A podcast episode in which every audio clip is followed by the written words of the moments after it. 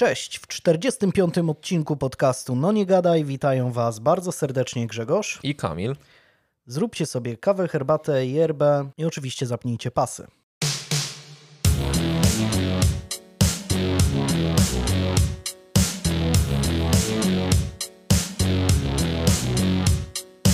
Przede wszystkim po e, publikacji naszego ostatniego odcinka do naszej redakcji zaczęły spływać listy, odezwy Na temat? na temat tego, że Liber jest z obornik, a nie z O, Poznania. O kurde. Liber nie jest z Poznania, z Poznania jest Mezo. O, no to widzisz, to Chyba zawsze, to, zawsze chyba to o to no. chodziło. No i Peja, ale Libera z Peją raczej nie Nie, nie, pomyliłeś. nie. No Pej, ale tam chyba wspomniałem też o Pej, bo Peja wiedziałem, że, że jest z Poznania, ale Tak, Liber, no, no. Liber mi się kojarzył z Poznaniem, bo on jest chyba wspierającym lejach bardzo mocno, o ile się nie mylę. Kurde, to nawet nie wiem. Więc dlatego może gdzieś tam jakieś połączenie Znaczy, no mózgowe jakoś zadziałało dziwnie. Oborniki to jest miejscowość y, zaraz obok Poznania, gdzieś No tam tak. z tego co patrzyłem niedaleko. No zresztą to są oborniki wielkopolskie oczywiście, nie oborniki śląskie, tylko oborniki wielkopolskie, więc No nie jest jestem to niedaleko. obor- od Libera też nie. no więc, y, więc y, to jest pierwsze, pierwsze sprostowanie. Pierwsze primo. pierwsze primo. A poza tym to co tam, co tam, co tam? Co tam No, słychać? no nie wiem, no A, to... ostatnio mówiłeś, że czekasz na Batmana, to mam dla ciebie newsa 18 kwietnia. Będzie widziałem. HBO, Widziałem, Więc... widziałem, więc jeszcze nie widziałem. Tak, więc pewnie jak dobrze pójdzie, to w następnym odcinku już ten, będziemy mogli w końcu się wymienić opiniami. Na temat Batmana, no możemy się wymienić pewnie. y, Taka presja, żeby to obejrzeć, jakoś mnie zmotywuje pewnie, żeby, żeby, żeby zobaczyć. Ale jestem ciekawy bardzo, więc, więc raczej nawet, nawet bez bicza nad głową bym, bym zobaczył. Chociaż ob- obejrzałem ostatnio tak z takich y, superbohaterskich, obejrzałem tego Spidermana niedawnego. Mhm. I? I było okej, okej. Tak? Znaczy, fabuła jest jakaś taka, nie wiem, mnie nie do końca bawi Doctor Strange w ogóle i to wszystko, co jest dookoła niego. Nie, nie jestem fanem tej postaci. On czasami się wydaje, że jest takim gościem totalnie nie do pokonania, że ma jakieś takie totalne skille, że jest wszechbogiem, a później zostaje, wiesz, by Ant-Man go tam y, załatwił. No i gdyby Doktora Strange'a nie grał, bo na przykład komiksy z Doktorem Strange'em, niektóre są bardzo fajne, ale w wersji tej filmowej, gdyby Doktora Strange'a nie grał Benedict Cumberbatch, którego bardzo lubię, to myślę, że też by mi się Doktor Strange nie podobał. No. Ale, ale no, e, gra go Cumberbatch, więc to jest no, plus, plus 10 do fajności. E, więc, e, więc pod tym względem pod tym względem na, na plus. Ale ja tego ten- Spidermana no, nie cały czas widziałem, nie nie widziałem, więc Znaczy jest tak fajny, jest nostalgiczny trochę, jest, y, jest sporo takich gdzieś nawiązań, takich easter eggów. mhm. Ogólnie jest spoko, ja bym jakby jestem w stanie polecić, dać okejkę, więc, więc jakby mm, fajnie jak, jak obejrzysz i, Mm. i, i sam sobie, wiesz, wyrobisz opinię na ten temat. Przyjemnie mi się oglądało, nie zasnąłem przy nim, więc to już jest duży plus. Ja się w sumie bardziej hypowałem na e, tego Morbiusa, który teraz wyszedł, ale e, widziałem praktycznie wszystkie recenzje, które gdzieś tam, e, recenzje takich ludzi, którym ufam, jeśli chodzi o gust filmowy. I, i, i którzy niekoniecznie mają też jakiś wysublimowany gust filmowy, bo sam też takiego, takiego nie mam bardzo często, że lubię też takie śmieciowate filmy i jakieś właśnie takie komiksowo, ale podobno ten Morbius jest totalnym gównem i tak szczerze mówiąc, szczerze mówiąc, jakoś e, odechciało mi się na niego iść, ale pewnie też go w końcu obejrzę, bo tam gra Jared Leto dla odmiany, więc, e, więc Ale to jest, zobaczymy. bo, bo ja nie jestem tak wciągnięty w ten komiksowy świat, to jest DC czy Marvel? To jest Marvel, to jest okej, ten, e, ten wampir taki, który jest przeciwnikiem Spidermana. okej. No. Więc e, No zawsze można sobie na przykład Zmierzch obejrzeć, to tam też byli... tak, no. Tam grał Pattison, to Batman, to tak jakieś połączenie też można, można znaleźć. Więc No. raczej polecasz Wracasz zmierzch. No właśnie nie widziałem tego Morbiusa, ale obawiam się, że mi się nie spodoba. Będę musiał to sprawdzić. Nie można iść z takim nastawieniem, bo... Ale to wtedy można A się, chyba, że właśnie, że można możesz się pozytywnie, pozytywnie zaskoczyć. zaskoczyć. zaskoczyć. No tak. Więc wiesz, więc pod tym względem może być, e, może być spoko. E, Co tam jeszcze? A, o, jeszcze wracając do HBO, to oglądałem tutaj ten, ten polski serial, e, kilka odcinków, już jest chyba cztery czy pięć. Serial pod tytułem Odwilż. Nie widziałem.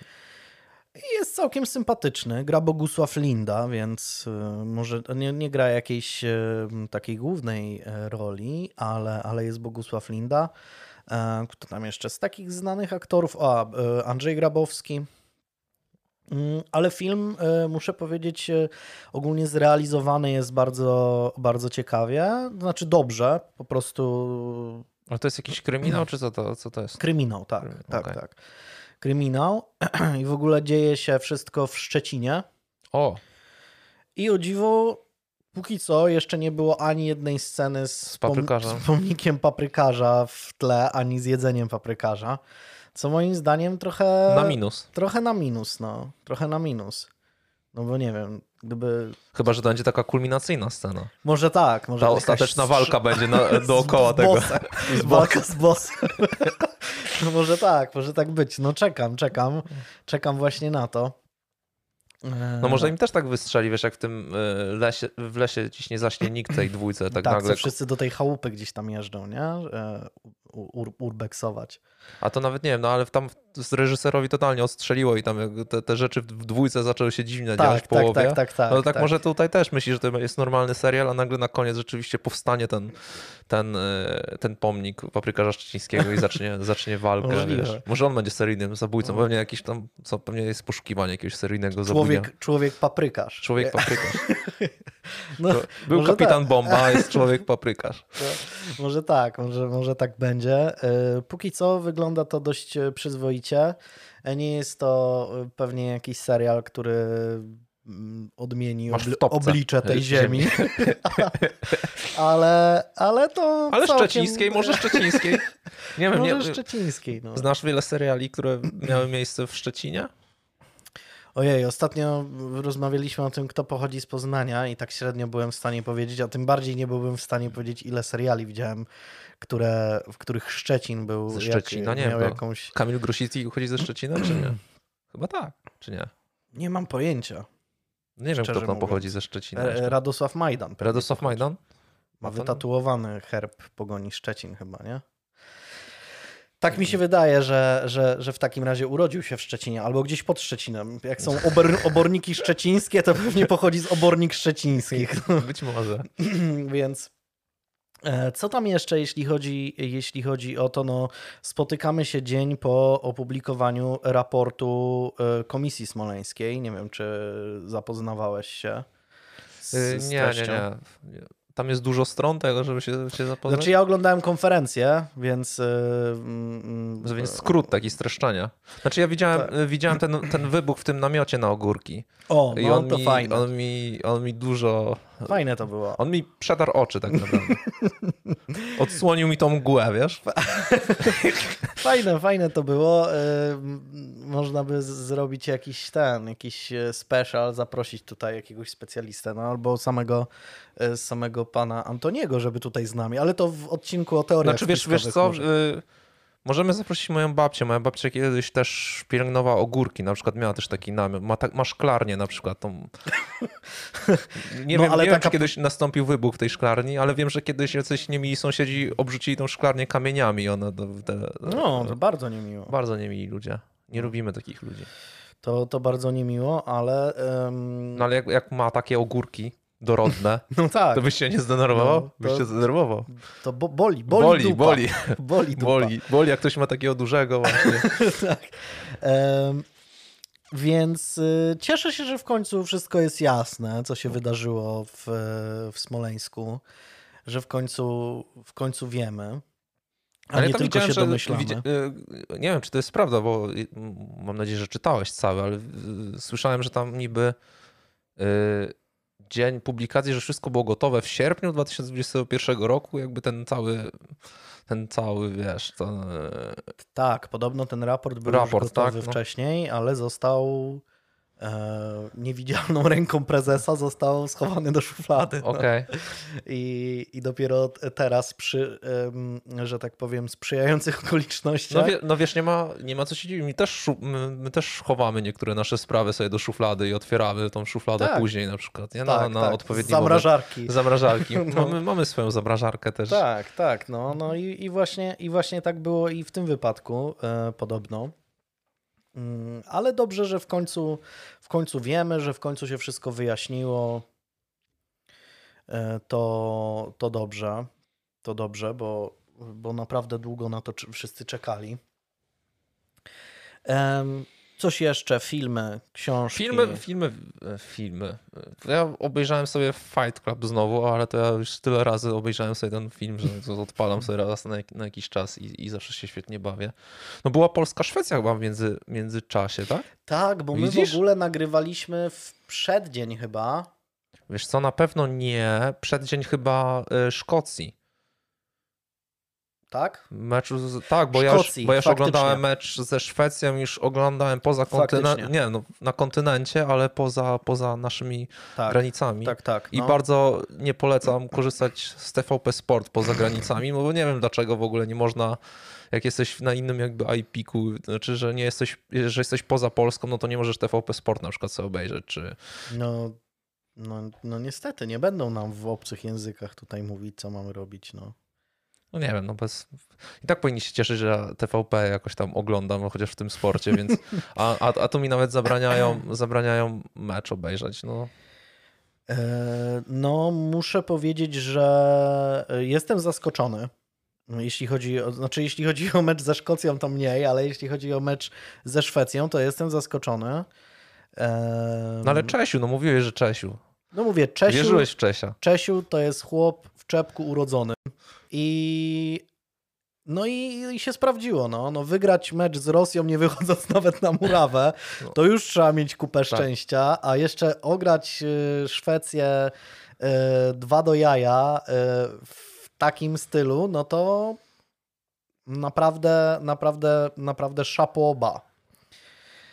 No i co, no jedziemy do tego Kataru, to teraz nie wypada aż go bojkotować, bo myślałem, że jak odpadniemy, to zawsze możemy Nie, wtedy zawsze powiedzieć, można. że jesteśmy moralnymi zwycięzcami i nie jedziemy, tak? No zawsze jak odpadniemy w grupie, możemy też tak powiedzieć. że to jest bojkot. To jest Że bojkot, to na jest przykład, nie wiem, bojkot. przegramy z Arabią Saudyjską, znajdziemy jakiś tam na pewno powód, no w Arabii Saudyjskiej pewnie, pewnie coś by się znalazło, że to No, nie jest do końca. Myślę, że, że Ty mecz... bardziej się znasz na arabistyce, to ty bardziej Myślę, wiesz, że co z tam jest. Arabią Saudyjską może być trudny mecz, bo my nie, nie, nie lubimy tak e, dyktować warunków Nie, w w ogóle nie lubimy t- trudnych przeciwników. Tak? Tylko, lubimy- każdy jest Każdy, trudny. każdy jest Nawet trudny. San Marino bywa niewygodny. Nie, no. niewygodny. Więc e, Szczególnie, że oni grają podobną piłkę, tak, tak zwaną lagę. Tak, Więc tak, to tak, jest, no. Zawsze ciężko się gra z przeciwnikiem, który gra podobnie jak ty. to prawda. No. To prawda, zawsze to tak samo w komiksach. Zawsze najtrudniejszy jest ten przeciwnik, który kopiuje twój styl Tak. walki, nie? Tak. Był Flash, Reverse Flash, nie? No, dokładnie. No tak, masz rację. No, to, tak, tak, tak jest. E, Co tam, co tam jeszcze? Nic... Jeżeli chodzi o, o, o, o piosenkę, no to wyszła Szkoła Życia Klocucha. Właśnie, właśnie. Bo No. ostatnio pamiętam, że wspominałeś o piosence, no to teraz sobie właśnie przypomniałem, że, no, że jest coś, co na słuchawkach jest bez przerwy od dwóch dni. Od dwóch? Tak, od dwóch chyba, no, dwa dni temu chyba wyszło. Mm, No, trzeba przyznać, że Klocuch po prostu... Mm, No mam, musisz zadzwonić do mamy, że nie musi sprzątać, tak jak to czasami wy zapisują tam gdzieś w komentarzach, nie? pozamiatał. Pozamiatał, pozamiatał. No i to jest prze, przepiękna pieśń, bo każdy jest w stanie odnaleźć tam samego siebie. no, świetna jest, naprawdę. No, z, z Klocuchem jest tak, że no, zawsze, zawsze staje na wysokości zadania i te kawałki są... Są W punkt. Tak, no. Są e, takimi evergreenami, nie? Że podejrzewam, że za 20 lat będziesz to Mhm. puszczał dzieciom, wnuko, tak. później. Będą cię, wiesz, tak głaskać po głowie. Tak, dziadku, tak, tak, tak, dziadku. Super muzyczka. No. Tak to sobie wyobrażam. No, no tak. No tak. wiesz, no teraz babcia też ci puści pewnie jakiegoś tam, wiesz. Tercet egzotyczny. Tercet egzotyczny i kurde, zobacz, jak, jak tańczyłam z dziadkiem do tego. Konga, bonga Konga. i kabasa. Są z banana, z ananasa. No, tercecik tak, albo Eleni, czy jakiś tam te, tego typu. Zawsze warto się wybrać na przykład do Ciechocinka i wtedy tą, tą muzyczkę tam gdzieś znaleźć. No. Ja najbardziej lubię w Ciechocinku tych yy, Indian, o. co na tych takich fujarkach grają.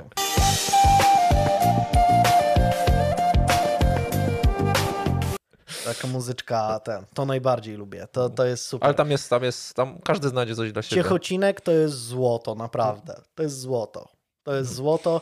Ja uwielbiam Ciechocinek i naprawdę jak chce się zrobić wrażenie na dziewczynie, na sympatii, no. to do Ciechocinka, prosto do prosto. Ciechocinka. Tak. I zabierasz na spacer tężnie. Wszystko. Jakaś tam pijalnia czekoladki wuzetkę kupujesz no. i, i, I załatwione. I, I, wpada w twoje ramiona, no. Tak, yy, tak jest. E, dobra, to chyba, e, to chyba yy, tyle. Mi nic nie przychodzi do głowy, jeśli chodzi o filmy i książki, bo ostatnio ja się zawsze tak tłumaczę, ale naprawdę trochę tak jest, że, że sporo czytałem na temat sprawy, o której będę dzisiaj opowiadał i oglądałem też filmy na temat, na temat tej, tej spra sprawy, tej osoby, o której będę, będę opowiadał, więc, więc tylko sobie Odwilż oglądałem te kilka odcinków Odwilży, więc... Hmm niewiele więcej. Jeśli chodzi o piosenki, no to kloców, no. wiadomo, no. Zapęd, w zapędleniu leciał, zapędleniu, ale, tak. ale tak to... Są, no są, te, są te wersje takie jednogodzinne na przykład na YouTubie, nie? No, Czy tam dziesięciogodzinne. No. no. Ale tak to niewiele, niewiele więcej. Ehm, co? Wszystko. Lecimy. Lecimy. Ajde.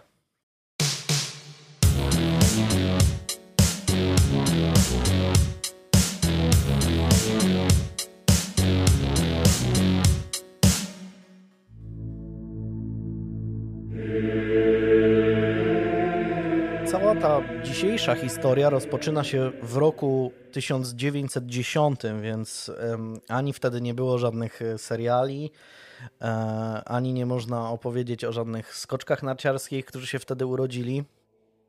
Mm, więc wydarzyło się stosunkowo niewiele jakichś ciekawych rzeczy. No ale żeby tradycji stało się zadość, to 13 stycznia ma miejsce pierwsza radiowa transmisja na żywo. 17 kwietnia w Berlinie w meczu przeciwko Tasmanii Rixdorf z ćwierćfinałów Pucharu Niemiec odpada wrocławski VfR Breslau. 15 maja powstaje klub piłkarski FC St. Pauli. 23 maja odbywa się pogrzeb Elizy Orzeszkowej, znienawidzonej przez uczniów autorki nad Niemnem. A 5 października całą Polskę obiegają doniesienia o morderstwie i kradzieży jednego z jasnogórskich zakonników i nazywał się on Damazy Macoch i opowiadam o nim w jednym z odcinków. Jest to chyba odcinek szósty, z tego co pamiętam. I tak, Agnieszka Gondzie Boyadżu przychodzi na świat 26 sierpnia 1910 roku w Skopie, wtedy będącym częścią Imperium Osmańskiego. Jest najmłodszym z trójki dzieci Nicole i Dranafile, małżeństwa katolickich kosowskich Albańczyków.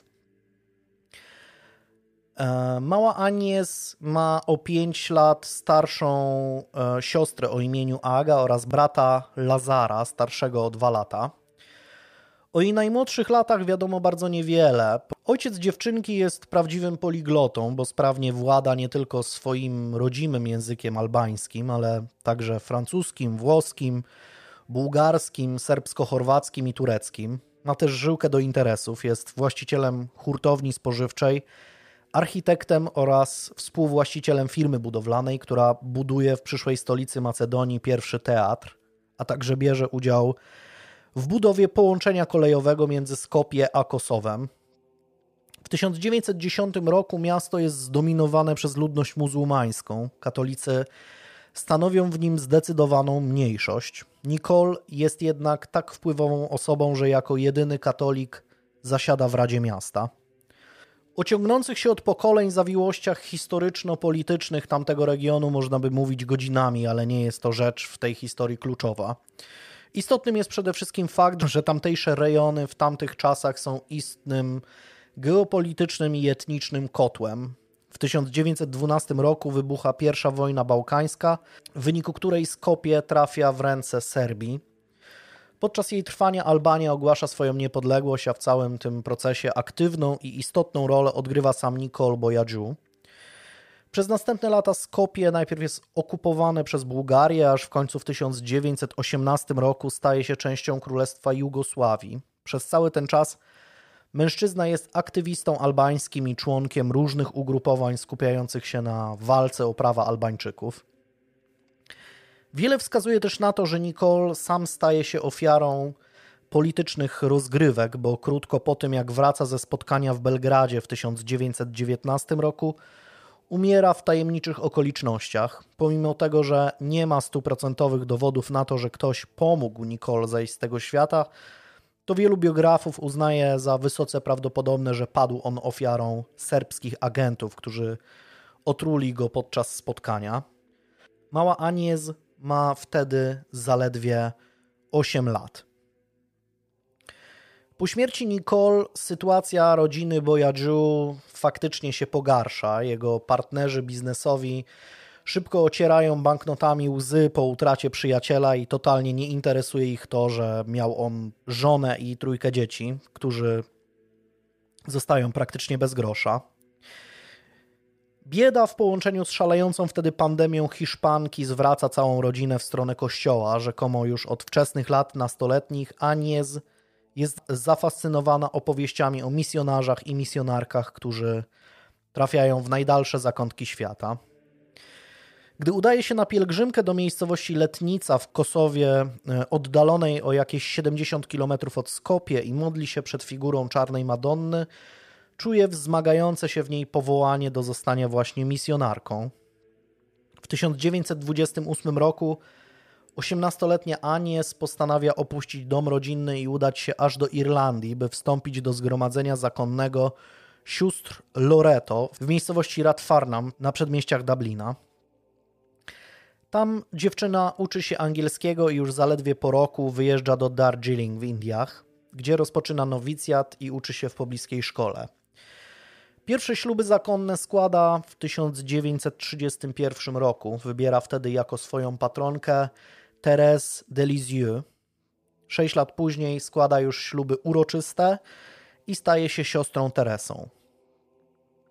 W tym czasie przebywa już w Kalkucie i jest nauczycielką w szkole zakonnej, czemu poświęca się przez najbliższych kilka lat, aż e, w 1946 roku zostaje jej dyrektorką.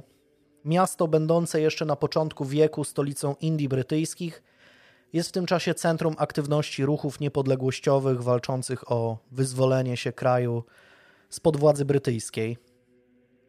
Niezgoda na kolonializm jest tak duża, że podczas II wojny światowej część Hindusów zdecydowała się nawet na walkę po stronie japońskiej, czyli de facto po stronie nazistów. Jeszcze w trakcie wojny na terenie Kalkuty i całego Bengalu ma miejsce wielki głód, w wyniku którego liczba ofiar szacowana jest na od 2 do 3 milionów. Choć wiele opracowań wskazuje, że nawet te liczby prawdopodobnie i tak są zaniżone.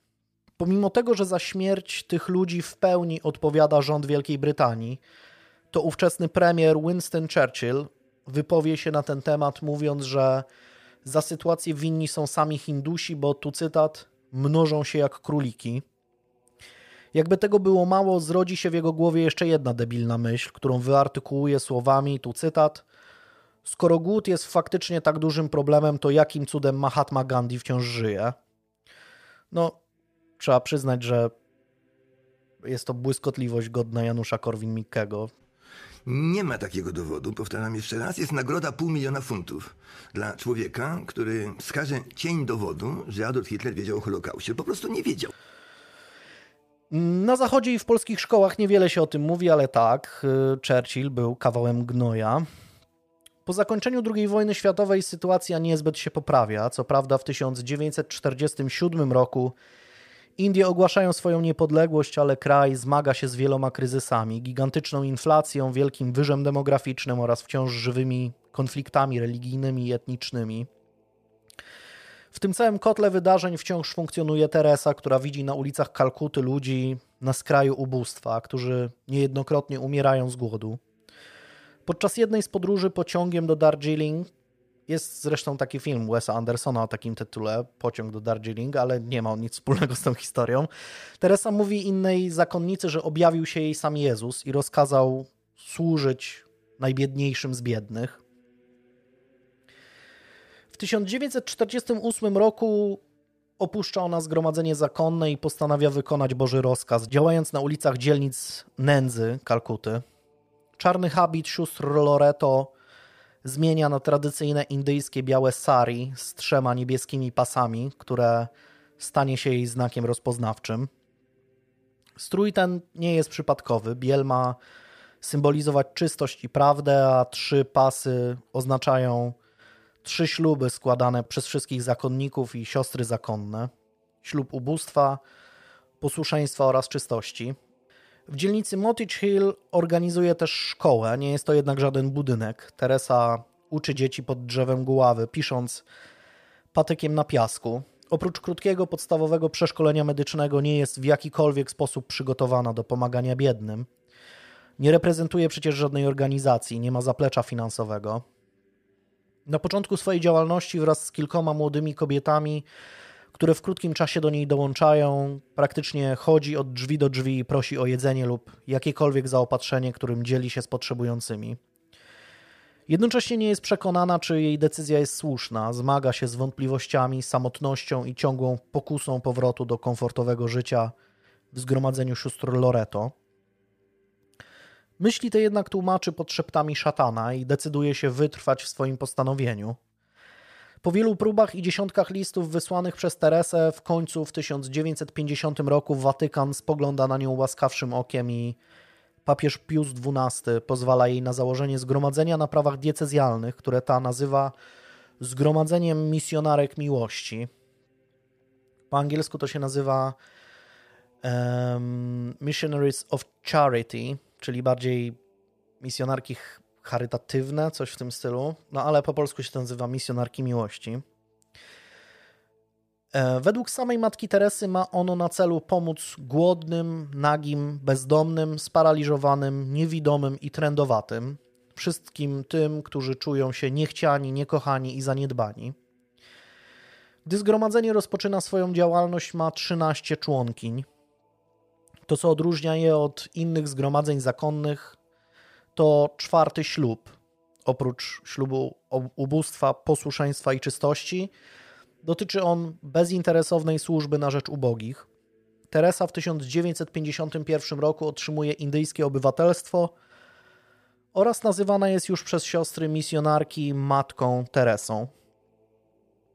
Dwa lata później, w 1952 roku, w opuszczonej świątyni hinduistycznej przekazanej im przez władze Kalkuty misjonarki organizują pierwsze hospicjum, które nazywają domem dla umierających Kaligat. Tam z założenia ludzie różnych wyznań mają możliwość umrzeć z godnością.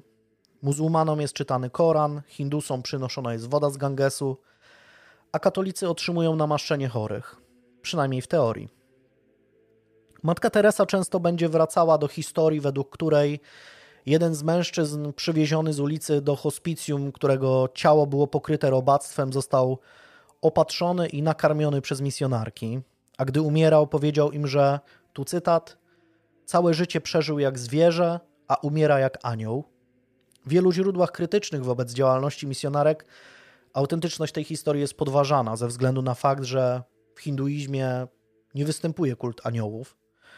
Wysoce nieprawdopodobne jest więc, że umierającemu, niewykształconemu Hindusowi przyszłoby do głowy akurat takie porównanie. To mniej więcej tak, jakby umierający Polak katolik z Podkarpacia w swoich ostatnich słowach powiedział, że czeka aż przyjdzie po niego Papa Legba, duch zaświatów w haitańskim kulcie wudu i brazylijskim candomblé. Oczywiście możliwe, ale niezbyt prawdopodobne. W innych wypowiedziach Teresa wprost będzie twierdzić, że akt fizycznego cierpienia ludzi umierających w hospicjach jest odzwierciedleniem cierpienia ukrzyżowanego Chrystusa. Jej stanowisko dobitnie obrazuje inna historia, którą w 1989 Teresa opowiedziała m.in. w programie katolickiego konserwatywnego dziennikarza Williama Buckleya. Według niej do jednego z hospicjów misjonarek miała trafić kobieta w terminalnej fazie nowotworu, cierpiąca z powodu nieprzerwanego bólu. Matka Teresa powiedziała jej, tu cytat, cierpisz tak jak Jezus na krzyżu, cierpisz, a to oznacza, że Jezus cię całuje. Umierająca z bólu kobieta odpowiedziała jej: Matko, to powiedz Jezusowi, żeby przestał mnie całować. Logiczne. Tak. Najwidoczniej Teresa uznała tę historię za zabawną, bo zaraz po tym szczerze się roześmiała wraz z całą widownią i samym prowadzącym. I zapewniam Was, dalszy ciąg historii pokaże, jak bardzo w świetle faktów nieśmieszna była to anegdotka. Z czasem aktywność misjonarek zaczyna przyciągać uwagę lokalnych władz i społeczności. Grono sióstr powiększa się, a zgromadzenie otrzymuje coraz większe zastrzyki finansowe, które pozwalają na coraz szerzej zakrojoną działalność. W latach 50. i 60. otwierane są kolejne hospicja, sierocińce, jadłodajnie oraz domy opieki nad trędowatymi na terenie całych Indii. Z czasem ich aktywność wykracza też poza granice kraju. W 1960 roku Teresa udaje się do Stanów Zjednoczonych, gdzie przemawia przed Narodową Radą Katolickich Kobiet, a pięć lat później wraz z pięcioma siostrami otwiera pierwszy dom opieki za granicą, a dokładniej w Wenezueli. Tego samego roku papież Paweł VI wydaje tak zwany dekret pochwalny, dzięki któremu zgromadzenie podlega już nie prawu diecezjalnemu, ale papieskiemu, co pozwala na większą stabilizację i autonomię zgromadzenia. Wkrótce Działalność misjonarek rozszerza się też na kolejne kraje, takie jak Włochy, Tanzania czy Austria. W tym czasie Matka Teresa wciąż jeszcze nie cieszy się międzynarodową sławą, ale już wkrótce ma się to zmienić. Pod koniec lat 60. aktywność sióstr misjonarek i charyzmatycznej założycielki przyciąga uwagę słynnego angielskiego dziennikarza Malcolma Mageridge'a, który jedzie do Kalkuty, by zrealizować film dokumentalny o ich działalności. Sam Mageridge to zresztą bardzo ciekawa postać, niegdyś komunista i ateista, zafascynowany Związkiem Radzieckim. Do tego stopnia, że w latach 30. zdecydował się wyjechać wraz z żoną do Moskwy. Tam z perspektywy stalinowskiego reżimu dość szybko mu przechodzi i staje się antykomunistą, choć nastawienie do religii przez długi czas mu się nie zmienia. 30 lat później, jadąc do Kalkuty, jest jednak już bliski konwersji na chrześcijaństwo. Gdy ekipa filmowa zjawia się w domu dla umierających Kaligat, okazuje się, że w środku jest tak ciemno, że dziennikarz ma poważne wątpliwości, czy cokolwiek będzie widać na nagranym w środku materiale. Po powrocie do Europy okazuje się jednak, że film jest doskonale doświetlony, co Magericz przypisuje cudownemu światłu samej matki Teresy. Cała historia zresztą staje się bardzo popularna na Zachodzie, a działalność sióstr misjonarek bardzo szybko zyskuje na rozpoznawalności dzięki dokumentowi Something Beautiful for God i krótko po nim napisanej przez samego Magaridża książce o tym samym tytule. Dopiero później operator biorący udział w nagraniu materiałów Kaligat powie, że po prostu użył nowego, ultraczułego filmu Kodaka, który pozwolił na realizację zdjęć przy słabym oświetleniu. No ale historia już zaczęła żyć własnym życiem i cud mm, ten filmowy, powiedzmy, już był faktem praktycznie wśród ludzi, którzy, którzy słyszeli o, o, o, o, tym filmie dokumentalnym. Do połowy lat 90. Zgromadzenie Sióstr Misjonarek jest obecne w ponad 120 różnych krajach, w ponad 600 ośrodkach na całym świecie. Przez cały okres swojego życia Matka Teresa zostaje wyróżniona co najmniej 118 różnymi nagrodami, tytułami, honorowymi obywatelstwami, z czego większość wiąże się z niemałą gratyfikacją finansową. Co ciekawe, nawet w Bydgoszczy jest ulica Matki Teresy z Kalkuty. Jest, tak. W Fordonie. Tak. E, najważniejsza z otrzymanych przez nią nagród to oczywiście pokojowa Nagroda Nobla, którą odbiera w 1979 roku i bardzo szybko staje się międzynarodowym symbolem dobroci, e, bezinteresowności i altruizmu. W swojej przemowie noblowskiej mówi, że tu cytat przyjmuje ją w imieniu głodnych, nagich, bezdomnych, sparaliżowanych, niewidomych i trędowatych. Dziennikarze prasowi i biografowie prześcigają się w przydomkach nadawanych drobnej, skromnej misjonarce. Anioł z Kalkuty, Anioł Miłosierdzia, Święta z Rynsztoków, Światło Wschodu to tylko kilka z nich. Zakonnica nie lubi stawać przed obiektywem, więc czasami nawet żartuje, że ma umowę z Bogiem, według której za każde zdjęcie wszechmocny uwalnia jedną duszę z czyśćca. Jeżeli faktycznie Bóg istnieje i przyklepał ten deal z Matką Teresą, to możecie być pewni, że czyściec jest pusty. Wszystko to dlatego, że politycy i celebryci całego świata są w stanie podróżować na mm, jakieś w ogóle tysiące kilometrów tylko po to, by móc zrobić sobie zdjęcie z Matką Teresą. Powstają więc ich dosłownie miliony. Do Anioła z Kalkuty jadą takie persony jak Ronald Reagan, Margaret Thatcher, księżna Diana, Hillary Clinton czy królowa Elżbieta. Jednocześnie na przełomie lat 80. i 90. zdrowie matki Teresy zaczyna istotnie się pogarszać. W 1983 roku podczas wizyty u papieża Jana Pawła II w Rzymie ma pierwszy zawał serca. Sześć lat później sytuacja się ponawia, co skutkuje wszczepieniem rozrusznika, który ma polepszyć komfort jej życia. Stan zdrowia Teresy jednak poprawia się nieznacznie. Kobieta przechodzi zapalenie płuc w 1991 roku, a pięć lat później choruje na malarię, co pogłębia problemy ze zdrowiem. W międzyczasie poważnie rozważa rezygnację z przewodzenia zgromadzeniem, ale w tajnym głosowaniu misjonarki decydują, żeby jednak nie ustępowała ze stanowiska. W 1996 roku matka Teresa przechodzi operację serca, która znowu niewiele daje. Cóż, kobieta ma 86 lat, ale widocznie dla jej otoczenia to pogorszenie się stanu zdrowia po prawie 9 dekadach życia jest podejrzane, bo arcybiskup Kalkuty decyduje się zlecić przeprowadzenie egzorcyzmów, podejrzewając, że jej choroby mogą wynikać z działań szatana. Niestety, jeśli faktycznie Lucyfer, Antychryst, Belzebub, Pan Zniszczenia, Książę Ciemności macza w tym palce, to egzorcyzmy nie robią na nim zbyt wielkiego wrażenia, bo Matka Teresa umiera 5 września 1997 roku o godzinie 21.30. Jej pogrzeb przyciąga niemałe tłumy złożone z polityków, ludzi kościoła oraz samych misjonarek, których w tym czasie na świecie jest już ponad 4000. Matka Teresa prosiła, by po jej śmierci spalić należące do niej prywatne notatki oraz korespondencję, czego oczywiście nikt nie robi. Co więcej, zostają one wydane w formie książki. Super, naprawdę. Szacunek. Przez pisma te przebija się zupełnie inny obraz niż ten, przedstawiający uśmiechniętą i pełną werwy starszą kobietę. Jak się okazuje, matka Teresa praktycznie przez cały czas swojego dorosłego życia przeżywała nieomal nieustający kryzys wiary i bardzo silne wątpliwości co do tak naprawdę fundamentu, czyli istnienia Boga i duszy. W jednym z listów pisze wprost, tu cytat, nie ma we mnie Boga. Sama pisała wielokrotnie o ciemnej stronie swojego życia duchowego, mówiąc, że jeśli kiedykolwiek będzie świętą, to będzie świętą patronką ciemności. Wiele wskazuje na to, że jej problemy nie ograniczyły się tylko do egzystencjalnych, mrocznych rozmyślań, ale że po prostu przez długi okres swojego życia zmagała się z ciężką depresją.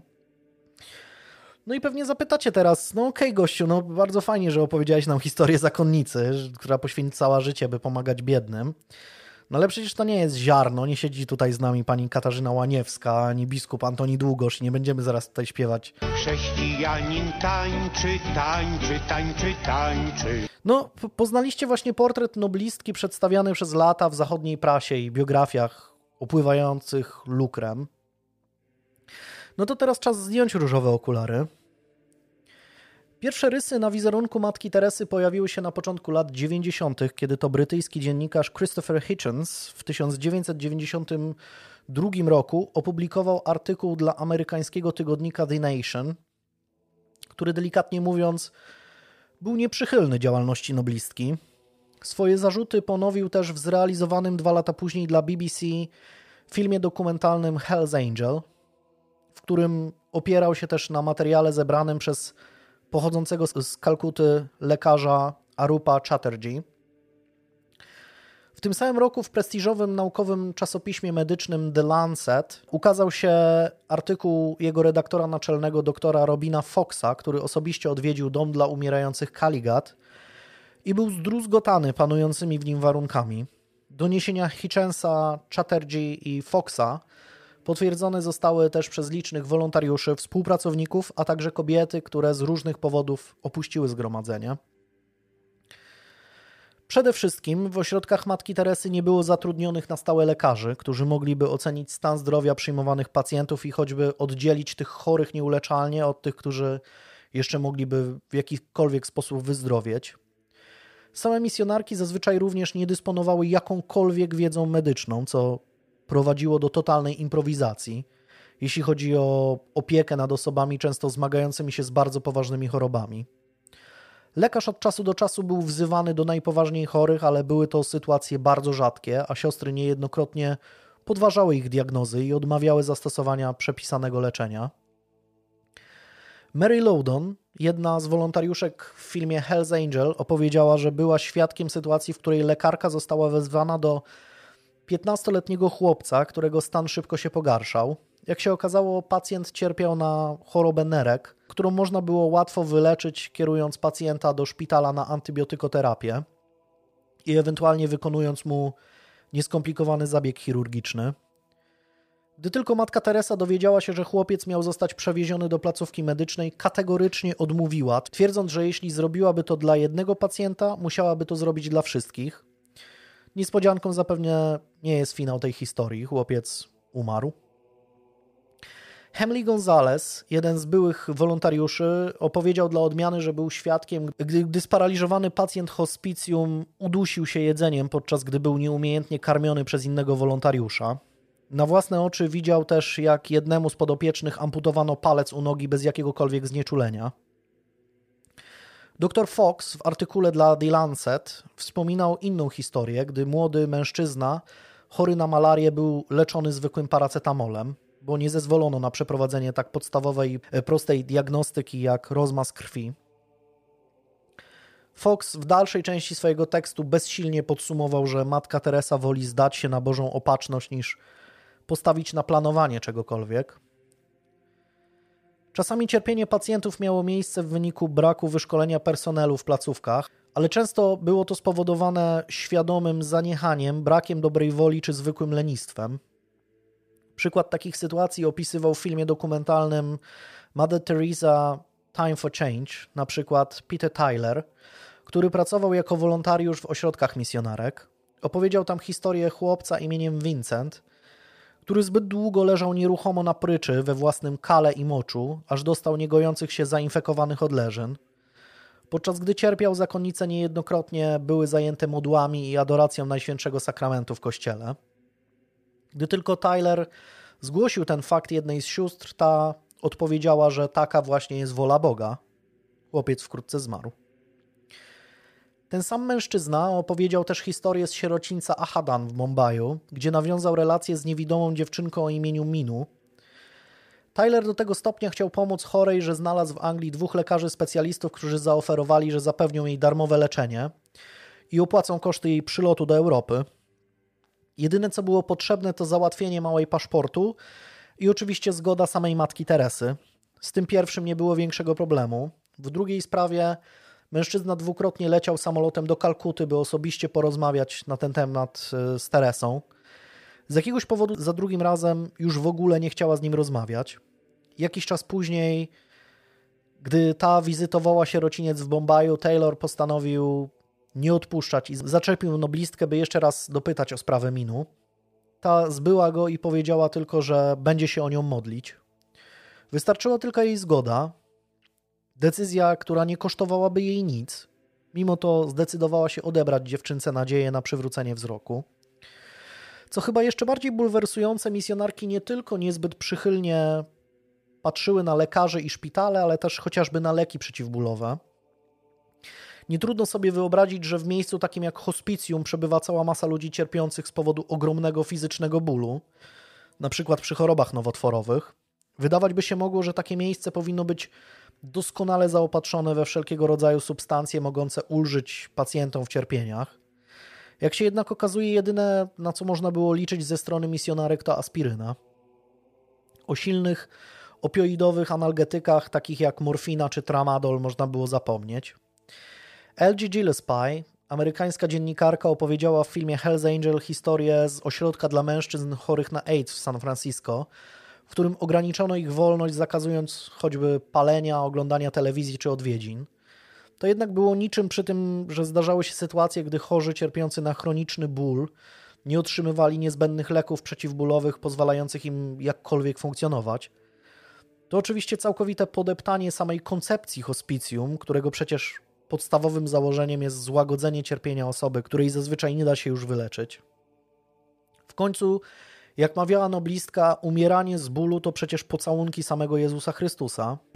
And the lady, though she was in such great pain, she joined their hands together and said, Mother Teresa, please tell Jesus to stop kissing me. Dla odmiany w podcaście The Turning jedna z byłych misjonarek zacytowała słowa matki Teresy miłość, by była prawdziwa, musi boleć. No, coś jak łobuz kocha najmocniej. Może lepiej, że ona została zakonnicą, bo z taką filozofią życia już współczuje partnerom czy bliskim takiej pato Teresy w innych liniach czasowych. Wśród pacjentów placówek znajdowały się osoby cierpiące nie tylko na choroby fizyczne, ale też wszelkiego rodzaju zaburzenia i choroby psychiczne. I cóż, ich też pod skrzydłami anioła z Kalkuty nie ominął koszmar upokorzenia. Wspomnienia niektórych wolontariuszy wskazują, że pacjenci byli w takich sytuacjach unieruchamiani poprzez przywiązywanie do łóżka lub drzewa. W końcu jest to łatwiejsze od zapewnienia takiej osobie profesjonalnej opieki oraz leczenia.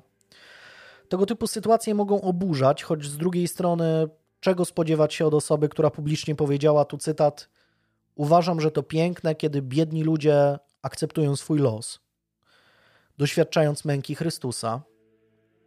Myślę, że cierpienie biednych bardzo pomaga światu.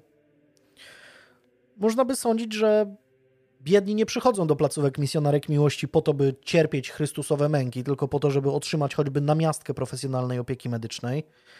Jak się jednak okazuje, anioł z Kalkuty miał inne zdanie na ten temat. Co więcej, sama matka Teresa nie zachęcała sióstr do doskonalenia swoich umiejętności, nie organizowała żadnych bardziej zaawansowanych szkoleń, bo twierdziła, że dążenie do bycia ekspertem w jakiejkolwiek dziedzinie prowadzi do pychy. Nie chciałbym na przykład być pod opieką takiego lekarza, co ma taką filozofię życia, że się nie uczył w szkole, bo prowadzi to do pychy. No okej. Okay. O braku jakiejkolwiek wiedzy z zakresu medycyny świadczy choćby fakt, że standardową praktyką w hospicjach misjonerek miłości było wielokrotne używanie tych samych igieł do strzykawek i kroplówek po ewentualnym przepłukaniu ich pod zimną wodą.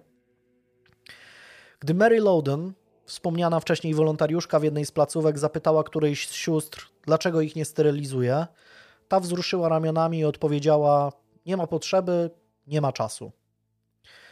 Czasu ani potrzeby nie było też na zmienianie gumowych rękawiczek, w których zajmowano się chorymi. Były one stosowane wielokrotnie, myte i wieszane na sznurkach do wysuszenia. Jak maseczki te ostatnie były jednorazowe. tak, tak. Ta sama kobieta opowiada też, że standardową praktyką było pranie ubrań, często ubrudzonych krwią, kałem czy moczem, w tym samym miejscu, gdzie myte były naczynia. Wśród pacjentów była cała masa osób cierpiących na choroby zakaźne. Można więc się jedynie domyślać, ilu z nich zmarło lub zakaziło się w wyniku braku zachowania chociażby jakichś podstaw higieny. Niektórzy oferowali misjonarkom bezinteresowną pomoc, która mogłaby poprawić komfort pacjentów, ale spotykali się w takich sytuacjach ze stanowczą odmową. Hemley Gonzalez, gdy zauważył, że m.in. osoby cierpiące na choroby układu oddechowego są myte w lodowatej wodzie, co jedynie pogarsza ich stan, zaoferował siostrom, że na własny koszt samodzielnie zainstaluje im boiler. Te jednak nie były zainteresowane takim usprawnieniem, mówiąc tu cytat: Nie, Jezus chce, żebyśmy robiły to właśnie w taki sposób. Y, jak, jak to mówił Bosak, jeżeli to by było złe, to by świat inaczej stworzył. To, to Bóg, Bóg, Bóg, Bóg by inaczej stworzył. świat stworzył. Dokładnie. No to myślę, że to jest ta sama szkoła, nie? Ta sama szkoła, ta sama filozofia.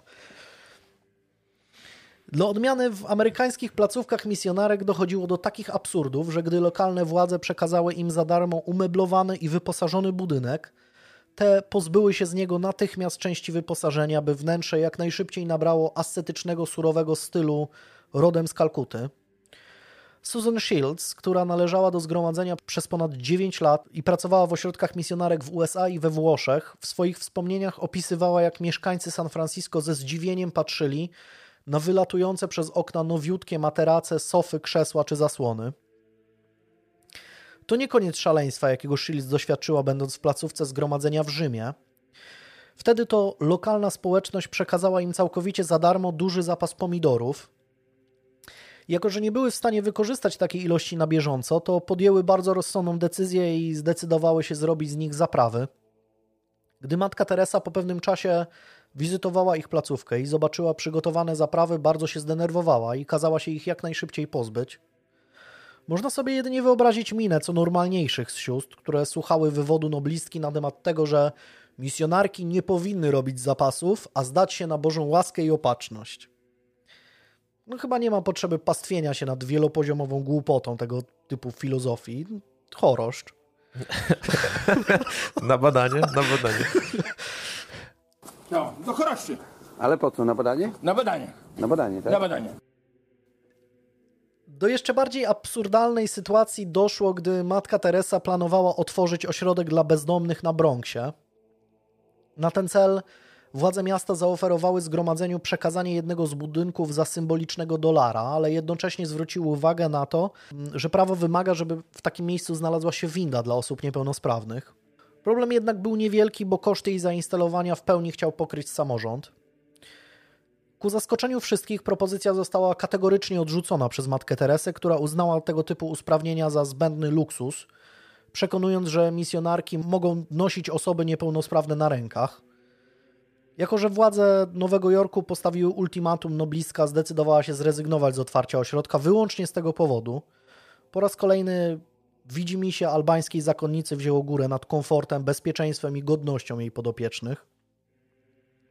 Co prawda wśród niektórych sióstr również pojawiły się głosy sprzeciwu krytykujące tego typu haniebne i bezrozumne praktyki. Ta sama Susan Shields opowiedziała, że wszelkiego rodzaju krytyka była zawsze błyskawicznie bombardowana oskarżeniami o brak wiary w to, że matka Teresa działa z inspiracji samego Ducha Świętego. Wszelkie próby podważania jej decyzji były traktowane jako jawny grzech pychy. Co więcej, noblistka wprowadziła do swojego zgromadzenia szereg surowych i często zupełnie absurdalnych zasad, które wszystkie misjonarki musiały przestrzegać. Wśród nich znajdowały się takie reguły jak codzienna pobudka o godzinie 4.30, ograniczenie mycia do absolutnego minimum, e, zakaz utrzymywania relacji z osobami poza zgromadzeniem, w tym ze swoimi najbliższymi przyjaciółmi i rodziną. W podcaście The Turning można posłuchać m.in. o kobiecie, która nie dostała na przykład przepustki na pogrzeb własnego brata. Siostry mogły pisać listy do swoich bliskich raz w miesiącu, a jechać do nich w odwiedziny raz na 10 lat. To jednak nie koniec chorych reguł anioła z Kalkuty. Jest wśród nich też samobiczowanie się czy noszenie kolczastych metalowych opasek wbijających się w ciało wokół pasa i ramion. Myślałem szczerze mówiąc, że to ostatnie występuje tylko w jakichś hardkorowych sektach i w kodzie Leonarda da Vinci, ale okazuje się, że nie. Mój ulubiony polski publicysta Tomasz Terlikowski w jednym ze swoich artykułów zachwala tego typu rozwiązania jako, tu cytat, pomagające w osiągnięciu świętości. Mało tego, niektórzy wskazują, że tego rodzaju metody stosował też sam Jan Paweł II. Kochani, to się nazywa autoagresja lub samookaleczanie się i jest opisane w klasyfikacji zaburzeń psychicznych. Tu nie ma żartów.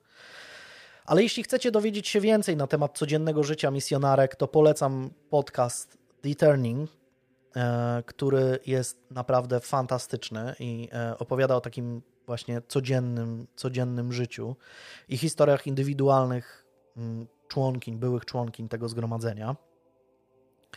No dobra, zapewne wielu z Was może przyjść do głowy myśl: hej, matka Teresa po prostu robiła co mogła, bo zapewne nie miała środków finansowych na zapewnienie pacjentom profesjonalnej opieki lekarskiej, odpowiedniego komfortu, leków, szkoleń dla personelu itd. Tak no i też chciałbym, żeby te zaniedbania można było w taki sposób obronić, ale nie. Matka Teresa nie mogła narzekać na brak gotówki, ani tym bardziej na brak dostaw darmowego sprzętu i leków. Susan Shields twierdzi, że na jednym tylko koncie czekowym obsługiwanym przez misjonarki rezydujące na Bronxie było 50 milionów dolarów. A takich kont w trakcie życia noblistki zapewne było dużo więcej. Shields stwierdzi też, że czeki na kwoty na poziomie 50 tysięcy dolarów nie należały wcale do rzadkości. Hojne darowizny z całego świata spływały w ilościach, które zapewne pozwoliłyby na utrzymanie kilku najnowocześniejszych klinik w Kalkucie, ale z jakiegoś powodu setki milionów dolarów leżące na kontach i będące w dyspozycji anioła z Kalkuty nie były przeznaczane na leczenie chorych i zmniejszenie cierpienia umierających. Dr Arup Chatterjee w swojej książce opisuje, że dostawy leków, sprzętu medycznego czy ubrań, które bezpłatnie były przekazywane zgromadzeniu, w dziwny sposób rozpływały się w powietrzu, a żywność, którą w dużych ilościach otrzymywały od sponsorów, niejednokrotnie lądowała w sklepach. Karetki pogotowia również w dużej mierze będące darami od innych służyły głównie jako darmowe taksówki dla misjonarek. Z niektórych nawet zostało usunięte wszelkie wyposażenie mogące pomóc chorym. Wstawione za to zostały kanapy, na których mogły wygodnie siedzieć zakonnice. Nie zmienia to jednak faktu, że wszystkie te pseudokaretki były wyposażone w czerwone koguty pozwalające im na szybkie przemieszczanie się po zatłoczonym mieście. Jest wiele zdjęć dokumentujących tego typu użycie samochodów, tak potrzebnych przecież do ratowania ludzi. No, można sobie jedynie wyobrazić, co stałoby się z dyrektorem szpitala, który by sobie jeździł karetką po zakupy albo do McDonalda, albo nie wiem, do kościoła. Raczej gdyby ktoś mu zrobił zdjęcie i trafiłoby to na, do jakiegoś superaka, to mógłby się pożegnać z karierą. Niektórzy twierdzą, że matka Teresa miała prawo nie wiedzieć o niektórych z tych zaniedbań, nie być w stanie zapanować nad wszystkim. No ale ja się absolutnie z takim stwierdzeniem nie zgadzam. Gdyby jakkolwiek komfort podopiecznych cokolwiek znaczył dla matki Teresy, to przecież nie otwierałaby kolejnych ośrodków, tylko inwestowała posiadane środki w unowocześnienie i udoskonalanie już istniejących. Tak się jednak nie stało. Wygląda jednak na to, że ta refleksja ani razu nie nasunęła się noblistce, bo wielokrotnie z rezolutnym uśmiechem chwaliła się w swoich wypowiedziach o liczbie osób, którym misjonarki codziennie pomagały, a także o kolejnych krajach, w których otwiera nowe ośrodki. W tej kwestii pewnego rodzaju wskazówką może być fakt wskazywany przez doktora Chatterjee, który w swojej książce opisuje działalność misjonarek miłości chociażby w Papui Nowej Gwinei, Pomimo faktu, że populacja tego państwa jest mniejsza niż populacja samej Kalkuty, siostry wybudowały tam aż osiem swoich ośrodków, z czego żaden z nich nie zajmował się pomocą potrzebującym, a ich głównym celem było pozyskiwanie kobiet do nowicjatu oraz rozpowszechnianie katolicyzmu. Według statystyk 26% ludności Papui Nowej Gwinei deklaruje się jako rzymscy katolicy, ale w praktyce ich wierzenia są wymieszane z animizmem oraz kultem przodków, co zapewne generuje misjonarkom sporo pracy. W takim razie, czy można wyciągnąć wniosek, że pod płaszczykiem pomocy biednym prowadzono kampanię mającą na celu nawracanie niewiernych na katolicyzm i promowanie katolickich wartości? Wiele na to wskazuje. Sama matka Teresa w jednym z wywiadów powiedziała zresztą, tu cytat: Istnieje zawsze zagrożenie, że staniemy się pracowniczkami socjalnymi. Nasza praca jest tylko wyrażeniem miłości do Chrystusa. Koniec cytatu. Przez cały okres swojej działalności matka Teresa podróżowała po całym świecie, żarliwie opowiadając się przeciwko aborcji i antykoncepcji. Nawet podczas swojej przemowy noblowskiej postanowiła wypowiedzieć słowa, tu cytat, aborcja to największe zagrożenie dla światowego pokoju.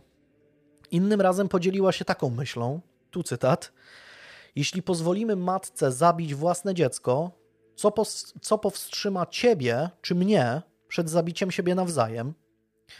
No, muszę powiedzieć, że w moim wypadku przed zabijaniem ludzi nie powstrzymuje mnie akurat prawny zapis tego zakazujący, ale jeśli tak było w wypadku Anioła z Kalkuty, no to cóż, współczuję. Dla odmiany podczas wizyty w Irlandii w 1992 roku matka Teresa przemówiła do zgromadzonych ludzi, tu cytat, obiecajmy Maryi, która tak bardzo kocha Irlandię, że nigdy nie dopuścimy w tym kraju do choćby jednej aborcji i żadnych środków antykoncepcyjnych. Koniec cytatu. W tym samym roku w tej samej Irlandii osobiście zaangażowała się w kampanię potępiającą referendum legalizujące rozwody w tym kraju. Tak, rozwody w tym kraju są legalne dopiero od niecałych 30 lat, a za ich legalizacją e, opowiedziało się 50,3% Irlandczyków. W kampanii przeciwko takiej zmianie prawa aktywnie brała udział nie tylko matka Teresa, ale i Jan Paweł II. Przy odrobinie szczęścia katolicki beton w postaci anioła z Kalkuty i człowieka, który został papieżem, doprowadziłby do tego, że kto wie, może do dzisiaj rozwody w Irlandii byłyby nielegalne. Kampania przeciwrozwodowa z 1992 roku nie przeszkodziła zresztą Teresie w pełnej entuzjazmu wypowiedzi na temat rozstania księżnej Diany z księciem Karolem. W wywiadzie dla Ladies Home Journal w kwietniu 1996 roku powiedziała, tu cytat, wiesz co, dobrze, że w końcu się to skończyło i tak nie byli ze sobą szczęśliwi. No brawo, właśnie dlatego bierze się rozwód, tylko dlaczego jeszcze do niedawna matka Teresa była przeciwna rozwodom.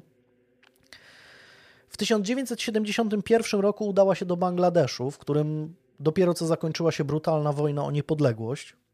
Zakonnica przemówiła do tysięcy kobiet, które padły ofiarami napaści seksualnych ze strony pakistańskich żołnierzy.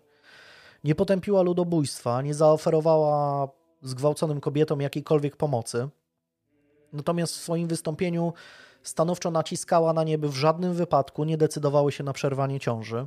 Fanatyczna kampania antyaborcyjna Anioła z Kalkuty została podsumowana przez Hitchensa słowami tu cytat: Matka Teresa nie była przyjaciółką biednych, była za to przyjaciółką biedy. Powiedziała, że cierpienie jest darem od Boga. Poświęciła swoje życie, by przeciwstawić się upodmiotowieniu kobiet i ich wyzwoleniu od bycia żywym inwentarzem przymuszanym do reprodukcji. Gdy sięgniemy do wspomnień Susan Shields, możemy jeszcze bardziej utwierdzić się w przekonaniu, że działalność noblistki miała na celu przede wszystkim uszczęśliwianie wyznawanego przez nią Boga. Była wolontariuszka, opisuje, że matka Teresa osobiście uczyła misjonarki, jak w sposób niezauważony przez umierających chorych potajemnie chrzcić ich w hospicjach. Zakonnice miały pytać pacjenta, czy chce otrzymać bilet do nieba. Zgodę traktowano jako wyrażenie woli do bycia ochrzczonym. Wtedy misjonarki przykładały do głów chorych zwilżoną szmatkę, udając, że chcą im ulżyć w cierpieniach, chłodząc ich czoła. W tym czasie po cichu wypowiadały formułę chrztu. I można by zarzucić, że Shields kłamie. Przecież większość chorych w hospicjach wyznawało hinduizm. Tego typu działania byłyby przecież w takim wypadku niedopuszczalne. Jednak w styczniu 1992 roku matka Teresa w jednym ze swoich wystąpień opisała ten, ten proceder z uśmiechem na twarzy, budząc śmiech publiczności, gdy mówiła o bilecie do świętego Piotra. Chwilę później noblistka pochwaliła się, że tylko w jednym hospicjum zmarło 29 tysięcy ludzi i wszyscy zostali w taki sposób ochrzczeni. Wracając jednak do finansów, ze względu na fakt, że organizacje religijne w wielu krajach są zwolnione z opodatkowania i wyłączone spod ścisłej kontroli finansowej, przepływy całości środków, którymi dysponowała matka Teresa, prawdopodobnie nigdy nie będą możliwe do prześledzenia. Dr Chatterjee w swojej książce zbadał tylko niewielki ich wycinek, a mianowicie operacje dokonywane przez misjonarki na terenie Wielkiej Brytanii. Było to możliwe wyłącznie dzięki prawu, które wymaga od takich instytucji jawności tego typu informacji. Autor przy, przytacza sporo danych w tym temacie, chętnym polecam zajrzeć do jego książki. Na przykład e, w 1974 roku zgromadzenie otrzymało na konto prawie 117,5 tysiąca funtów w formie darowizn, z czego 80 tysięcy zostało wysłane do Watykanu, 650 funtów zostało przekazane jednej z uczelni kształcącej księży w Rzymie, a teraz najlepsze. Na pomoc dzieciom w Indiach prze, przelano 334 funty, a na hospicjum Kaligat 45 funtów. Oznacza to, że do Indii trafiło dokładnie 0,3% całkowitej kwoty darowizn. Rok później na brytyjskie konto zgromadzenia trafiło prawie 148,5 tysiąca funtów. Do Watykanu w tym roku przelano 170 tysięcy, czyli kwotę przewyższającą wpływy z tego roku o ponad 20 tysięcy. Hospicjum Kaligat dostało 238 funtów, a na edukację siostrzyczek przewidziano ponad 8 razy tyle, bo 2000 funtów. Przelew podpisany jako Światowa Pomoc Dzieciom w wysokości 4000 funtów razem z przelewem za edukację również e, trafiły do Watykanu. Oznacza to, że tym razem do Indii trafiła kwota poniżej 0,2% wartości darowizn z tego roku. Podejrzewam, że darczyńcy przekazujący swoje ciężko zarobione pieniądze do rąk matki Teresy spodziewali się, że zostaną one podzielone w nieco innych proporcjach. Wiadomo niestety też, że darowizny nie zawsze oznaczały wpłaty z potrzeby serca. Dr Chatterjee opisuje na przykład wydarzenie z 1980 roku, kiedy to zakonnice sfałszowały dokumenty siedmioletniego chłopca, by umożliwić sprzedanie go do belgijskiej rodziny za kwotę 125 tysięcy rupii, czyli mniej więcej 16 tysięcy dolarów. Podrobione dokumenty wykazywały, że mały Sonaton i jego dwie siostry są sierotami, a żyjąca wciąż babcia wyraziła zgodę na adopcję. Jak się okazało lata później, ojciec chłopca żył, gdy ten został sprzedany, a podpis jego babci został sfałszowany. Sonaton na własną rękę przeprowadził już jako dorosły człowiek oczywiście swoje śledztwo przy wsparciu indyjskich dziennikarzy. W jego wyniku wykryto 74 przypadki sprzedaży dzieci do Belgii wyłącznie w 1980 roku. Tylko te wykryte przez niego transakcje dają kwotę prawie e, miliona 200 tysięcy dolarów tylko w ciągu jednego roku. Tego typu haniebne praktyki nie były odosobnionymi przypadkami, bo w 2018 roku sierocińce misjonarek zostały skontrolowane przez jedno z indyjskich ministerstw w odpowiedzi na zarzuty dotyczące handlu dziećmi. W wyniku kontroli jedna z zakonnic oraz pracownik społeczny pracujący w placówce zostali aresztowani. Udowodniono im przeprowadzenie trzech transakcji sprzedaży dzieci do adopcji, a także próbę sprzedaży kolejnego za kwotę 1325 mm, funtów. Można sobie jedynie wyobrazić, jak całymi latami biznes ten kręcił się bez niczyjej kontroli. Jeszcze ciekawszy punkt widzenia na wysokość góry pieniędzy, jakim dysponowała matka Teresa, daje śledztwo włoskiego dziennikarza Gianluigiego Nucciego, który w 2017 roku w swojej książce pod tytułem Grzech pierworodny opublikował szokujące informacje. Jak się okazało, środki, którymi dysponowano blistka, były tak wielkie, że gdyby ta zdecydowała się na ich wypłatę lub przeniesienie do innej instytucji finansowej, Bank Watykański mógłby stać się niewypłacalny. Dziennikarz szacuje, że kwoty te mogły sięgać już nie milionów, ale miliardów dolarów. Mówiąc o finansowaniu działalności zgromadzenia, trudno nie poruszyć też jeszcze jednego bardzo ważnego tematu, a mianowicie kontaktów matki Teresy z delikatnie mówiąc podejrzanymi osobistościami. Pierwszym z brzegu jest na przykład Charles Keating.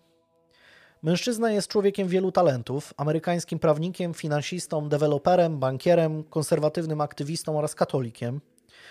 W USA znany jest m.in. ze swojej działalności za, prezydent, za prezydentury Nixona przeciwko przemysłowi pornograficznemu. Podczas swoich wystąpień zasłynął twierdzeniami, że popularność tego typu materiałów w amerykańskim społeczeństwie to zasługa m.in. szeroko zakrojonego spisku komunistów. Jak się okazuje, USA miało też swój własny odpowiednik zrzutów stonki ziemniaczanej przeprowadzonej rzekomo przez przebiegłych kapitalistów. Jednak Keating stał się jeszcze bardziej znany jako prezes instytucji finansowej, a dokładnie Funduszu Oszczędnościowo-Pożyczkowego o nazwie Lincoln Savings and Loan Association. W latach 80. ze względu na poluzowane przez administrację Reagana regulacje prawne, Keating dokonuje bardzo ryzykownych inwestycji przy użyciu pieniędzy deponentów.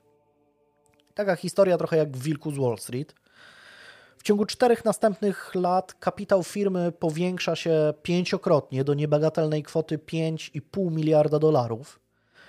Mottem pracowników Keatinga jest hasło słabi, skromni i głupi zawsze są najlepszym celem. Pod koniec lat 80. stało się jasne, że oszczędnościowe Eldorado tak naprawdę jest jednym wielkim wałem i ponad 21 tysięcy przede wszystkim osób starszych straciło oszczędności życia na łączną kwotę mniej więcej 285 milionów dolarów. Pokrycie ogromnych strat kosztowało rząd federalny USA ponad 3 miliardy dolarów. Człowiek, który do dzisiaj jest uważany za jednego z największych oszustów finansowych w historii Stanów Zjednoczonych, był jednocześnie jednym z najserdeczniejszych przyjaciół matki Teresy i oczywiście hojnym darczyńcą. Keating podzielił się z noblistką pieniędzmi ukradzionymi amerykańskim emerytom i przekazał jej ponad milion dolarów, a także udostępniał jej swój prywatny helikopter oraz odrzutowiec, gdy ta przyjeżdżała do USA. Matka Teresa do tego stopnia postrzegała oszusta za swojego przyjaciela, że gdy ten w roku 1991 został uznany winnym zarzutom licznych oszustw i wyłudzeń, ta napisała do amerykańskiego sądu list w obronie Keatinga, by ten ułaskawił lub złagodził wyrok ze względu na jego wspomnianą hojność. List był opatrzony cytatem z Ewangelii Mateusza.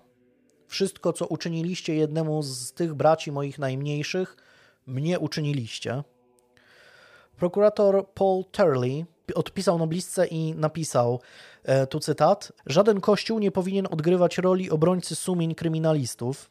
W dalszej części listu pisze, zadaj sobie pytanie, co zrobiłby Jezus, gdyby otrzymał pieniądze pochodzące z przestępstwa, pieniądze, które zostały ukradzione.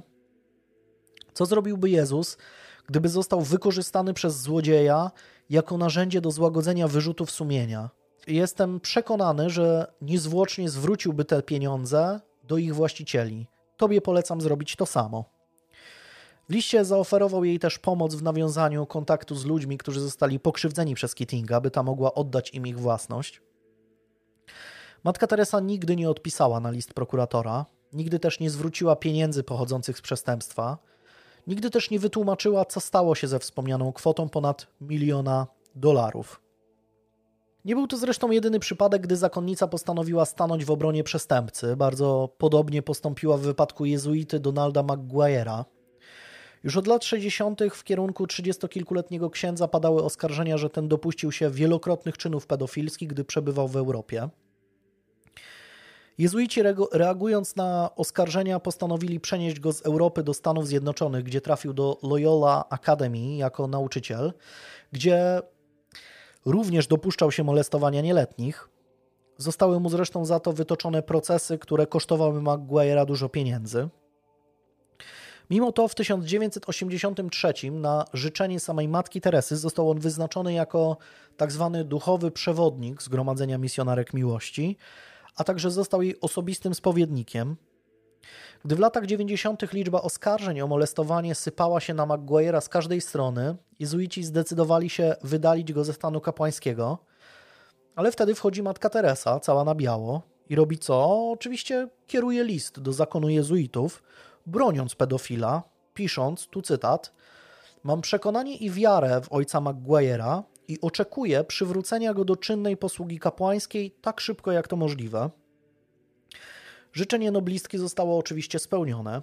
Amerykański wymiar sprawiedliwości jednak nie podzielał tego przekonania i wiary i skazał go w 2006 roku na 25 lat więzienia.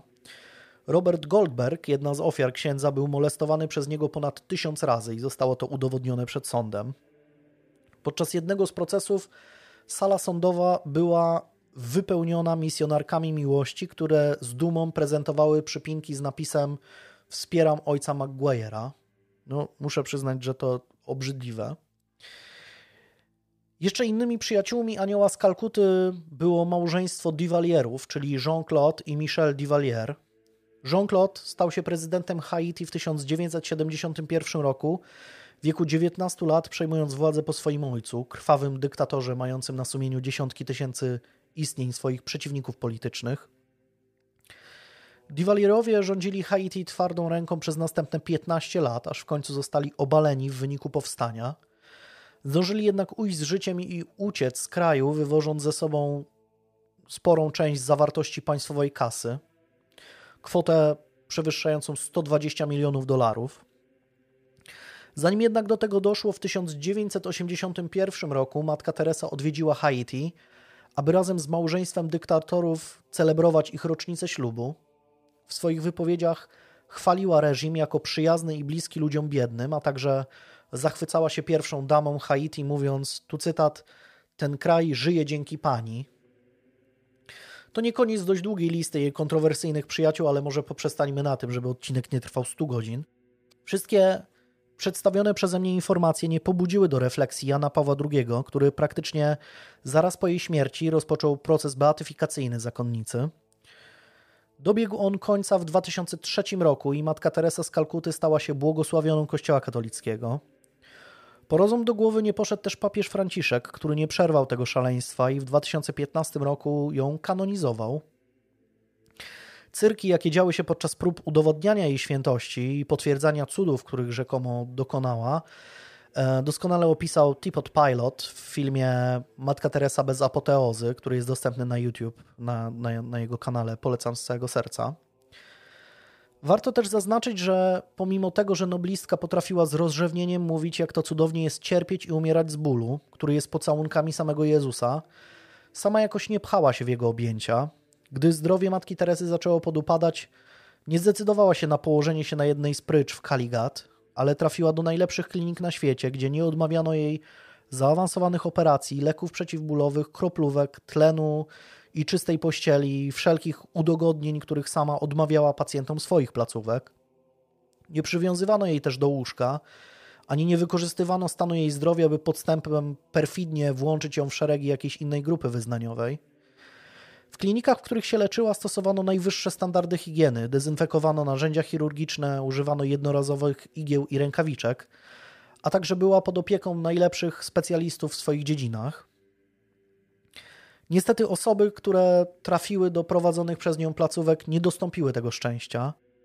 Nie mam w zwyczaju otwarcie oceniać bohaterów moich historii, choć pewnie nie trudno wam wywnioskować, jaka jest moja opinia o Aniele z Kalkuty.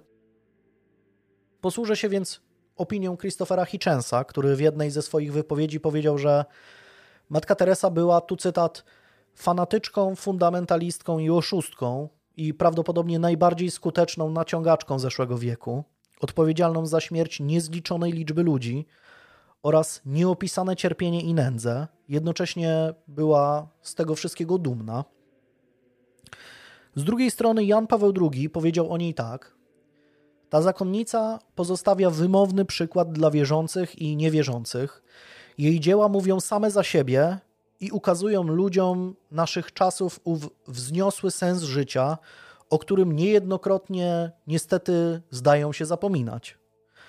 Poszła za głosem Ewangelii i stała się dobrym Samarytaninem dla każdego napotkanego człowieka, dla każdego życia, złamanego, cierpiącego, znieważonego. Która z tych ocen jest bliższa prawdzie, zostawię Wam. Zgodzę się z Janem Pawłem, że jej dzieła mówią same za siebie, ale nie chcę tu się bawić e, w sędziego. To wszystko, jeśli chodzi o historię, historię Matki Teresy. Jeśli kogoś wyjątkowo interesuje e, jej historia, polecam z całego serca książkę e, właśnie doktora Chatterjee, która jest w ogóle takim no chyba najobszerniejszym źródłem Książka Hitchensa też jest y, bardzo ciekawa, ale ona została napisana jako jedna z pierwszych, więc tam nie wszystkie te informacje się znajdują. No i Hitchens jest specyficzny, no bo on jest taki, mm, że tak powiem, dość nieprzyjemny w swoich sądach, e, przez co mm, powiedzmy nie do końca obiektywny, bym powiedział, przynajmniej język nie jest obiektywny, ale myślę, że warto. Szczerze mówiąc, ja do niedawna nie wiedziałem o tym, co działo się w ośrodkach e, misjonarek. Nie wiedziałem, kim e, e, faktycznie była matka Teresa. Pamiętam jak dziś lekcje religii, w których, na których katecheta opowiadał nam, jak cudowną osobą jest matka Teresa. No i panie Jarku, no chyba coś poszło nie tak na tych katechezach. Mm, tak mi się wydaje. No, nie mam nic do dodania. E, słucham ciebie.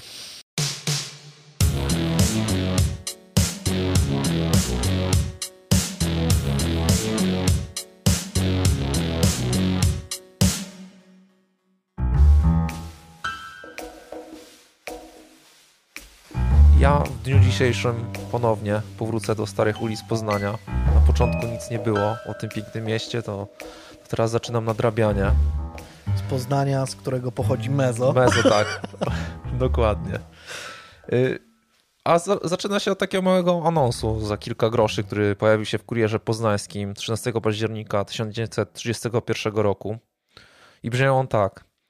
Psa małego, czujnego, porządnego kupie oferty z ceną pod numerem 72623. No i ten oto jakby lakoniczny, e, lakoniczny anons okazał się ważnym elementem afery, która wybuchła wśród elit miasta.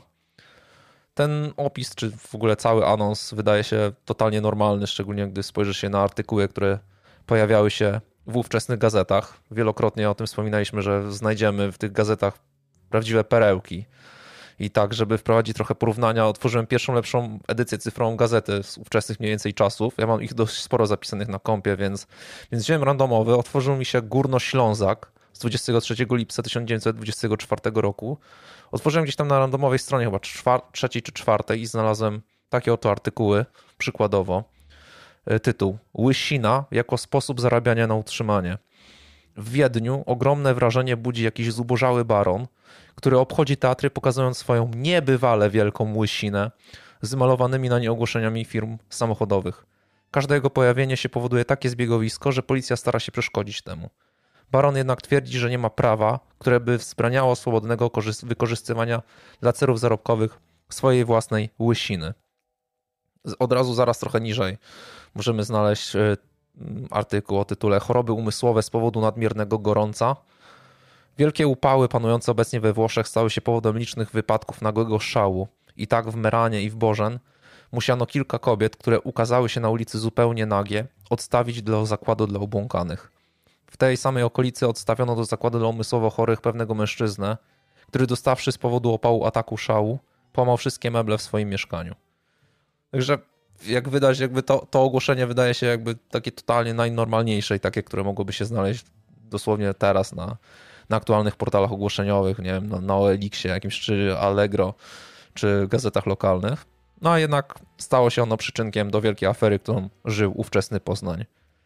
Wyobraźmy sobie teraz takiego typowego człowieka wyższych sfer w Poznaniu, będącego w średnim wieku, szanowanego gościa w społeczeństwie, który się dorobił trochę pieniędzy i sporo szacunku wśród mieszkańców. Taki prototyp człowieka, który go czasami można zobaczyć w różnych filmach jako idealną ofiarę szantażysty. Taki człowiek, który szacunek i czyste imię stawia na pierwszym miejscu. Nie jest to już żaden Ryan Gosling, raczej taki człowiek z brzuszkiem, początkowymi zakolami lub siwizną jednak cały czas nienagannie ubrany i przynajmniej w oczach ludzi idealnie się prowadzący. W domu żona, dzieci, jakby wszystko idealnie. Zgodnie z wszelkimi filmami, o których wspomniałem, typ taki jako typowy przedstawiciel takiej śmietanki towarzyskiej. Lubuje się w podwójnym życiu i ciągłym stwarzaniu pozorów. Życie, w którym na zewnątrz jesteś przykładnym mężem, ojcem i obywatelem, a gdy tylko kurtyna opada, ruszasz w swoje drugie życie oparte no, na przemiennie przenikającym się życiu, nie wiem, z żoną, później z kochankami, jakaś prostytucja, nielegalne, do końca rozgrywki, a później, nie wiem, odebranie dzieci z przedszkola. Łatwo uznać, że takie osoby są idealne, aby stać się ofiarami szantażu. Za wszelką cenę chcą utrzymać naganną opinię, a przy tym mają spore środki, aby dokonać wszelkich spłat. Łatwo też przyjąć, że taki mężczyzna może mieć też sporo za uszami. Same listy anonimowe rzadko trafiały do jakichkolwiek policyjnych statystyk. W końcu jakby ciężko dopasować je do jakichkolwiek tabelek, którymi policja od zawsze żyje. Ale ich popularność między wojnią była zatrważająca. W dużych miastach panowała wręcz moda na korespondencyjne donosicielstwo. Uczennice, którym złamano serca, wysyłają anonimy do rodziców swoich szkolnych miłości. Wszyscy szkalowali się nawzajem w listach, tak aby zaszkodzić jakby swoim konkurentom. Nie wiem, walce o względy, walce, nie wiem, o pracę, o, o różne inne kwestie. Normą było nawet rozbijanie narzeczeństw przy użyciu możliwie pikantnych, no i w większości przypadków zmyślonych anonimów. Tajny detektyw wyjaśniał w sierpniu 1932 roku. Anonimy, zwłaszcza w ostatnich latach, wysyłane są masowo – Paryżu codziennie wpływa około 50 meldunków do władz policyjnych o otrzymaniu listów anonimowych. Oczywiście Ameryka znacznie bije ten rekord. List anonimowy przynajmniej w 75 wypadkach na 100 zawiera nieprawdę. Jest najlepszym narzędziem zemsty. Posługują się nim ludzie niskiego charakteru, aferzyści i szantażyści. Trend kwit, a sprawy szantażu trafiały na ostatnie strony gazet nic dziwnego, że jakby pomimo tych druzgocących statystyk odnośnie tych anonimów, to każdy, kto otrzymał jakikolwiek anonim, nagle skakało ciśnienie. I tak wyobraź sobie, że 14 października 1931 roku sprawdzasz dostarczoną pocztę do twojego biura i wśród tych wielu listów znajdujesz taki napisany maszynowym pismem, ale z ewidentnie kobieco napisanym adresem. I brzmią tak. Szanowny panie, Wiem, że niniejszym pismem sprawię ci dużo kłopotu. Nie czynię tego jednak ze złości, lecz z biedy. Otóż swego czasu, nie będę przypominał ani czasu, ani miejsca, ani też innych okoliczności, choć pamiętam je dobrze. Pan korzystał z usług mego ciała. Zachowałam dotąd wszystko w tajemnicy, choć wiem, jakże pan nosi piękne nazwisko jakie masz stanowisko wśród ludzi. A żebym jednak miała tą tajemnicę zachować nadal, proszę mi przesłać 300 zł w liście kuriera poznańskiego pod numerem 72 623 do dnia 16 października 1931 roku. Jestem w skrajnej nędzy i dlatego muszę do pana list takiej treści napisać. Prawdziwy głód, którego ty, panie, pewnie jeszcze nie zaznałeś, mnie do tego zmusił. Mam dużo długów i nikt mi nawet bułki nie chce dać na kredyt. Mamże iść kraść i dostać się do więzienia? Czy nie lepiej, że zwrócę się do ciebie, panie, byś ty coś z usług mego ciała korzystał, a któremu dotąd dochowałam tajemnicy przed żoną i ludźmi mi pomógł? Myślę, że mnie nie zostawisz w takiej skrajnej nędzy i rozpaczy. Chciałbym żyć wreszcie jak człowiek. Umiem pięknie haftować, ale brak mi pieniędzy na rozpoczęcie tej pracy. Pomnij mej usługi, panie. Niech twe serce zmięknie dla mnie. Wiedz jednak, że jestem doprowadzona do takiej ostateczności, że gdybyś na moją prośbę pozostał głuchy i mi nie pomógł, będę ja nielitościwa. Doniosę o wszystkim twojej żonie. Napiszę do niej lub sama pójdę, choćby mnie miała ze schodów zwalić i opowiem w sposób dobitny. Gdzie, kiedy i jak żonę zdradziłeś ze mną. A zrobię to tak wiarygodnie, bo znam cię tak dobrze, jak twoja żona, że twoja żona mimo twoich energicznych zaprzeczeń i tak mnie uwierzy. Cóż potem? Skandal i rozwód, którego ty sobie przecież nie życzysz. To też myślę, że do tej ostateczności nie dopuścisz. Tyle wówczas okazałeś mi serca. Nie chciałabym być ci niewdzięczna. Dobrze mi wówczas zapłaciłeś. Umiałeś ocenić to, że jestem ładna, zgrabna, no i że umiem mocno i gorąco pieścić i kochać. Pamiętasz te chwile. Było ci wówczas u mnie tak dobrze, a taki byłeś głodny i chciwy moich pieszczot. Wspomnij te słodkie grzechy. Prześlij kobiecie, która ci dała tyle rozkoszy, te 300 złotych, które są mi niezbędne, aby żyć, a tobie zagwarantują spokój wobec żony na zawsze. Czekam, głodno. A ładnie napisane. Tak. Ładnie. To jest pierwsze, o czym myślisz, jeżeli otrzymujesz taki list. No to, to właśnie wynika z tego, jakbyś był zupełnie niezaskoczony otrzymaniem. Tak jakbyś otrzymywał takie listy dosłownie co, co dwa dni. I tylko oceniał je pod kątem, wiesz, wartości Bo, jakby... Wiesz, li- listy z... Ludzie listy piszą. jakby. Listy z szantażami zazwyczaj nie są ładnie napisane. No nie, a to jest, a tu jest A rzeczywiście... tutaj tak. jest z postaraniem, Tak. z napracowaniem. Napracowanko było. No jakby y, ciężko też się z, z autorką listu nie zgodzić. No nie jest najczęściej ci prędko do rozwodu. Możesz mieć rzeczywiście coś za uszami i wtedy jakby jest lipa, ale też z drugiej strony możesz być pewny swojej czystości, jednak weź to wytłumacz żonie, że, że jeżeli jakaś kobieta przyjdzie powiedzieć jej o jakichś zmyślonych sytuacjach, no nie, nie wytłumaczysz. Jest sytuacja ewidentnie patowa. Zarabiasz trochę, więc jednak te 300 zł to nie będzie wcale tak bolące dla portfela, jak mogłoby być bolące w zakresie stra- straty twarzy przed społeczeństwem i tym bardziej przed żoną. Szczególnie, że to jest 1931 rok, więc wtedy to rozwody to już w ogóle były były fopa trochę, nie? Że Matka Teresa by to- nie no, przyklasnęła. nie za bardzo. Jednak jakby o co chodzi z tym numerem zawartym w ogłoszeniu, czyli 72 623. Także dzisiaj w każdym anonsie jakimkolwiek prasowym, no głównie jakby teraz działamy na jakichś OLX-ach czy tam Allegro, no ale znajdziemy tam numer telefonu czy, czy adres e-mail. No w latach 30. dostęp do aparatu telefonicznego no, nie miało zbyt wiele osób. Dlatego w anonsach podawano nie numer telefonu, ale skrzynki przyporządkowanej do danej sprawy. Jeżeli ktoś zainteresował się ogłoszeniem, to osobiście szedł do redakcji gazety i prosił o włożenie jego odpowiedzi do danej skrzynki. Następnie ogłoszeniodawca zgłaszał się do siedziby pisma, okazywał odpowiedni druczek i prosił o wydanie czekających na niego odpowiedzi. Cały system był totalnie anonimowy dla obydwu stron, a pracownicy redakcji ograniczyli się tylko tak naprawdę do roli pośredników. W stolicy Wielkopolskiej takie usługi świadczyły m.in. Kurier Poznański, Dziennik Poznański i Rekord Polski. W samej rubryce widniały oferty kupna piekarni czy sklepu kolonialnego z mieszkaniem, czy nie wiem, choćby używanych kafli do pieca. Także z pozoru ogłoszenie o poszukiwaniu psa niczym się nie wyróżniało na ich tle. Jednak to właśnie numer tego anonsu 72 623 trafił do wszystkich listów szantażowych, które zalały Poznań w połowie miesiąca. Ponadto przez biuro kuriera codziennie przewijały się setki osób, dlatego ciężko byłoby ogarnąć, kto odebrał akurat zawartość skrzynki numer 72623 i zanim policja ogarnęłaby o co chodzi, to już skrzynka byłaby pewnie pusta i w budynku prasy nikt nie zapamiętałby twarzy szantażysty. Jak wspomniałem, te listy szantażowe trafiły do wielu osób. Nie wiemy na ten moment, jaka była dokładna liczba. Proceder mógł dotyczyć 10, 15 czy nawet 30 osób. Wszystko jest możliwe. Różniły się głównie kwestią pieniędzy. Kto zarabiał więcej, musiał płacić więcej. Kto nie był tak majętny, obniżano mu kwotę do przykładowo 100 zł. Należy jakby też pamiętać o ówczesnej sile pieniądza. Jakby 100 zł pewnie na dzisiejsze by było warte pewnie około kilku tysięcy. Punktem łączącym te osoby, które dostały list o podobnej treści, było wybranie ich według tego samego klucza, czyli panów w średnim wieku, o wysokiej pozycji społecznej i majątkowej. Jak mówię, treść tych listów była bardzo podobna, mm, jakby różniła się tylko szczegółami. Według tajnego detektywa kluczową rolę odegrał pan S, czyli ceniony prawnik, który również stał się celem ataku.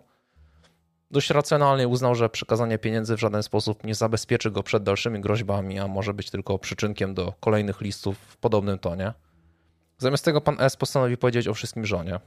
Wręczył jej nawet bezczelny anonim i z kamienną twarzą zapewniał, że nigdy nie miał nic z, tym, co tam jest opisane wspólnego, nie miał żadnego romansu. Nie do końca wiadomo, jak zareagowała na to wszystko. Pewnie nie dawało jej to spokoju, więc postanowiła jeszcze tego samego dnia zasięgnąć rady swojego spowiednika, czyli udała się do księdza. A ten, jak to było opisane w tajnym detektywie, jako dostojnik kościelny, czyli osoba znana powszechnie z kryształowego charakteru, zareagował dość sprzecznie z tym, jak przewidywała żona niedoszłego zdrajcy małżeńskiego. Bo jakież było zdziwienie, kiedy otrzymała informację, że kanonik otrzymał też taki list. I zareagował właśnie takim zwierzeniem, że, że list o podobnej treści otrzymał również on. Okazało się, że przed zaledwie kilkoma godzinami otrzymał niemal identyczną wiadomość. Rzeczywiście z tą różnicą, że szantażystka groziła wyjawieniem rzekomego romansu biskupowi, a nie małżonce. No i tu się sprawa zaczęła sypać. Kolejne listy trafiały do komend, a te widząc skalę procederu, jakich osób dotykają, potraktowały ją priorytetowo. Sposób realizacji zatrzymania sprawcy wydawał się dość prosty i oczywisty. No nie trzeba być jakimś wielkim detektywem, by, by przyjąć, że wystarczy wysłać jakiegoś wywiadowca do, do biura kuriera i czekać, kto stawi się w końcu odebrać odpowiedzi ze skrzynki o wspomnianym numerze. Tak też zrobiono i po jakimś czasie w końcu przyniosło to efekt. Tak to relacjonowano. W pewnym momencie wchodzi młoda, przystojna, elegancko ubrana kobieta i tonem pewnym i zdecydowanym żądał od urzędniczki wydania ofert nadeszłych pod numerem 72623. Z widocznym zadowoleniem malującym się na twarzy odbiera następnie kilka listów, chowa je do torebki i podąża ku wyjściu. Kobieta nie jest zatrzymywana od razu. Policjant zaczyna ją śledzić, jak rusza w stronę Placu Wolności. Podchodzi do budki telefonicznej przy Grand Cafe, gdzie jednak apart jest zajęty. Wraca na ulicę, gdzie kieruje się do kolejnej kawiarni Wielkopolanki, skąd wykonaje połączenie telefoniczne. Nie znamy treści rozmowy, wiadomo natomiast, że w miejscu tym zabawiła trochę dłużej. Rozmawiała tam z jakimś mężczyzną, który wydaje się być dla niej znajomą osobą. Po jakimś czasie wspólnie opuszczają lokal i udaje się na ulicę Grodgera 13. Po jakichś kilkunastu minutach od wejścia do kamienicy kobieta już po pożegnaniu się z towarzyszem wraca na ulicę, gdzie czekają już policjanci i zakuwają w kajdanki. Sprawa, która powinna już zmierzać ku rozwiązaniu, nieoczekiwanie się komplikuje, gdy kobieta już na posterunku przedstawia dokumenty, aby się wylegitymować. Główną aktorką okazuje się 22-letnia panna pochodząca z tak zwanego dobrego domu, której matka jest właścicielką jednej z większych i najbardziej wartościowych kamienic, a nazywa się Maria Lewandowska. Lewandowskich w Poznaniu ówcześnie znał każdy. Ojciec rodziny Zenon należał do najbardziej wpływowych Wielkopolan przełomu XIX i XX wieku. Był posłem z Wielkopolski na Sejm Pruski, wprawnym kupcem i finansistą na wielkopolskie warunki był prawdziwym krezusem. Zmarł w marcu 1927 roku, pozostawiając żonę i dwie córki. Na starość większość majątku zainwestował w nieruchomości w Poznaniu i to właśnie z nich żyły teraz pani i panny Lewandowskie. Maria była najstarszą córką Zenona i Janiny i to ona teraz rządziła kasą Lewandowskich. Samego wynajmu miała wyciągać około 2,5 tysiąca złotych co było na tamte czasy niezłym pieniążkiem. Miała również inne intratne interesy w mieście. Ciężko więc było sobie wyobrazić, że kobieta, która mogłaby kupić sobie, nie wiem, kilka piekarni teraz tak naprawdę w listach żebro chleb. Poza tym listy nadane zostały z Warszawy, a tam nie miało jej być od bardzo dawna. Kobieta sama określ określiła w trakcie przesłuchania, że spodziewała się aresztowania czy innego kontaktu ze strony policji, a nawet na niego liczyła. Rzeczywiście zamieściła ogłoszenie w prasie, ale chodziło jej tylko i wyłącznie o wspomnianego w nim pieska. Tymczasem na jej skrzynkę w redakcji momentalnie zaczęły przychodzić listy z wyjaśnieniami od jakichś obcych mężczyzn, a nawet koperty z pieniędzmi. Jako praworządna obywatelka już miała to zgłosić na policję, kiedy do jej domu trafił list anonimowy o treści. Niechcący poznałaś naszą tajemnicę. Nie zdrać nas przed policją. W przeciwnym razie czeka cię kula w łeb. Pieniądze składaj pod murem obok ogrodu swego domu. Podpisane szantażyści. Ponadto rozpoczęło się nękanie telefoniczne. Jakiś nieznany mężczyzna zadzwonił do niej, przypominając, że jego ludzie czekają na pieniądze i że ma je złożyć w miejscu, gdzie będzie narysowany znak kredą. Lewandowska spełniła życzenie. Odebrała listy ze skrzynki, a następnie zostawiła pieniądze pod wskazanym murem. Bojąc się o życie, nie informowała policji. Na wszelki wypadek zabierała je ze sobą anonim, kiedy szła do redakcji. Teraz wreszcie w spokoju mogła go przekazać komisarzowi, powtarzając, że cały czas żyła nadzieją, że ktoś inny zgłosi sprawę i w ten sposób spadnie jej kamień z serca. W trakcie prowadzonych przesłuchań kobieta oświadczyła, iż w dniu zatrzymania spotkała się z przyjacielem, który to od niej po raz pierwszy usłyszał o sprawie. Przy kawiarnianym stoliku wspólnie odczytali zagadkowy list od pani Prażmowskiej. Miała ona otworzyć list do męża. Zamiast mu go pokazać i zażądać wyjaśnień, zwróciła się do szantażystki z prośbą o dalsze informacje, no i za to, za to wypłaci jej, jej niemałe pieniądze. Lewandowska, zgodnie z wyjaśnieniami z anonimem, nie miała nic wspólnego, więc pojechała do pani Prażmowskiej na ulicę Grotgera. Tam wytłumaczyła jej, że sama zamieściła wyłącznie anos dotyczący pieska, a cała sprawa musi być jednym wielkim nieporozumieniem, co potwierdziła oczywiście na policji także pani Prażmowska. Sprawa stanęła w martwym punkcie. Wydawało się, że już nic się nie da zrobić. Żadna z ofiar nie była w stanie wskazać jakichkolwiek szczegółów. Ta kwestia jakby szajki szantażystów z Warszawy też szybko padła, bo, bo takowe nie dało się namierzyć. Policja tak naprawdę wierzyła we wszystkie słowa Lewandowskie, nawet zarzekali się przed nią, że uda im się znaleźć sprawców, którzy ją szantażowali i siłą wpakowali w to bagno. Wtedy jednak, gdy wszyscy myśleli, że sprawa stoi w martwym punkcie, wróciły listy. W nich szantażyści zwracają się do Lewandowskiej z pretensjami, że, i tu cytuję, tak głupio do sprawy się zabrała. Grozili jej, że teraz może już tylko wzywać pomoc wszystkich świętych i swoich znajomych. Na koniec natomiast, jak można było oczekiwać, zapowiedzieli, że zabiją ją, jeśli naprowadzi policji, policję na ich trop. W tym samym czasie inny anonim wpłynął na komendę policji.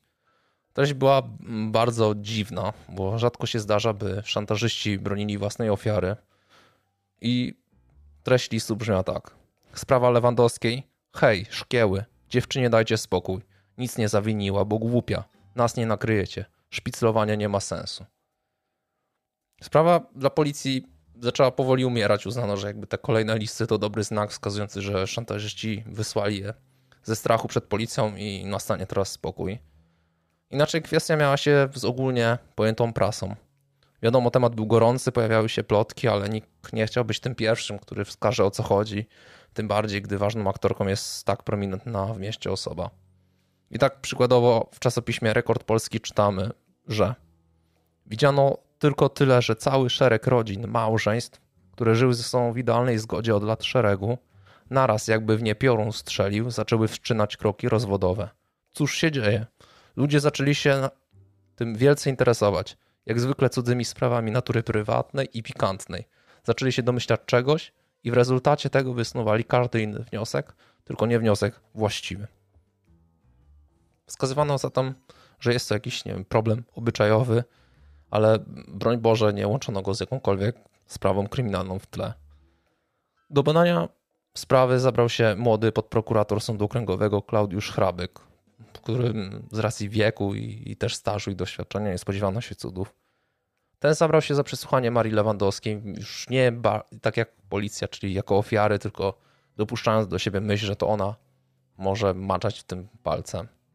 Hrabyk natrafił na pewien stary anonim, z tym, że napisany na maszynie i wysłany najprawdopodobniej przez samą Lewandowską. Osobę, która we wcześniejszych zeznaniach zarzekała się, że na maszynie w ogóle pisać nie umie. Anonim otrzymała parę lat wcześniej Maria Jastrzębska, a jego celem było przekonanie jej, że powinna zerwać wszelkie kontakty z adwokatem Henrykiem Bogdańskim, bo ten zasługuje na, i tu cytuję, anioła i nieziemską istotę o czułym sercu. I jakby to bezpośrednio miał wskazywać, że tą osobą jest właśnie Lewandowska. Niewiele to rzecz jasna dało, ale jednak pozwoliło wrzucić pewien jeden kamyczek do, do ogródka Marii. Dodatkowo ten list oczywiście poddano analizie. Grafolog porównał go z tym zupełnie świeżym anonimem wysłanym przez rzekomych szantażystów do komisarza Nowakowskiego. Obydwa listy zawierają charakterystyczny błąd czcionki. I tu cytując. Normalnie tak zwana stopa małej litery P jest pozioma. W piśmie zaś, o którym mowa, stopa małej litery P ma kierunek skośny i to w ten sposób, iż przez ramię stopy skierowana jest w górę. Nie mogło być jakby wątpliwości, że ostatni anonim oraz ten wychwalający Lewandowską wyszedł spod tej samej maszyny pisarskiej. Panna Lewandowska na wskazaną okoliczność miała odpowiedź. Wyjaśniła, że to nie ona pisała do Jastrzębskiej, lecz zakochany w niej bez wzajemności, niezrównoważony młodzieniec, niejaki Wacław Żewuski. Kobieta znała, że wszystko potwierdził, tylko tak nieszczęśliwie się złożyło, że akurat przed paroma tygodniami wyjechał do Konga w Afryce.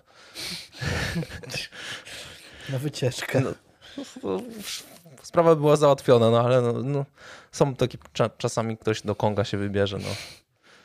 Wie, wiele spraw to komplikuje, jeżeli ktoś wyjeżdża do tak. Konga. Ta sytuacja jednak potwierdziła tezę prokuratora, że Marii Lewandowskiej nie ma co skreślać z listy potencjalnych podejrzanych. Wywiadowcy zaczęli ją śledzić, jednak ta za każdym razem była bardziej przebiegła i udawało jej się namierzyć detektywa i poprosić umundurowanego policjanta o wylegitymowanie, czym całkowicie paliła całą tą konspirę. Dało to jednak trochę do myślenia, więc postanowiono zwrócić uwagę nie tylko na nią, ale również wszystko, co się dzieje dookoła. I tak w ten sposób namierzono detektywa, który śledził policjantów, a nazywał się Marian Majchrzak. Okazało się, że Maria Lewandowska wynajęła go do śledzenia szeregu osób ze śmietanki towarzyskiej Poznania. Majchrzak nie wiedział, w jakim celu ma obserwować starszych panów i zdawać raporty, ale że pieniądze płynęły, to w sumie nie zadawał żadnych zbędnych pytań. Poza tym szpiegował też bardzo konkretnego delikwenta, adwokata Henryka Bogdańskiego, którego kobieta uparcie nazywała swoim narzeczonym. Ponadto w trakcie przesłuchania zeznał, że ta kazała mu pojechać do Leszna i zapytać wskazanego przez nią mężczyznę, czy byli już u niego policjanci i, przy, i czy pytali o maszynę do pisania. Hrabek nie potrzebował jakby dodatkowej zachęty, także udał się w tą kilkunastu, pewnie kilkudziesięciokilometrową podróż na południe. Tam spotkał mężczyznę, Edmunda Bocheńskiego, który być może nie znał nikogo z rodziny Lewandowskich, ale kolegował się z Pawłem Kuleszą, który to wynajmował pokój w mieszkaniu właśnie Lewandowskich. Bocheński zeznał, że w grudniu 1931 roku pożyczył od Kuleszy maszynę do pisania marki Barmors i że maszynę oddał na początku stycznia 1932 roku. Na szczęście mężczyzna wciąż dysponował dokumentami sporządzonymi na pożyczonej maszynie, więc prokurator wybrał próbkę pisma i przekazał do analizy grafologicznej, z której wynikło, że wszystkie anonimy były pisane właśnie z tej maszyny. Udano się zatem do Kuleszy, gdzie odnaleziono maszynę pisarską innej marki, wyglądającą na nową. Kulesza potwierdził, że w grudniu pożyczył swoją maszynę Bocheńskiemu, ale później wyjechał do Zakopanego na urlop.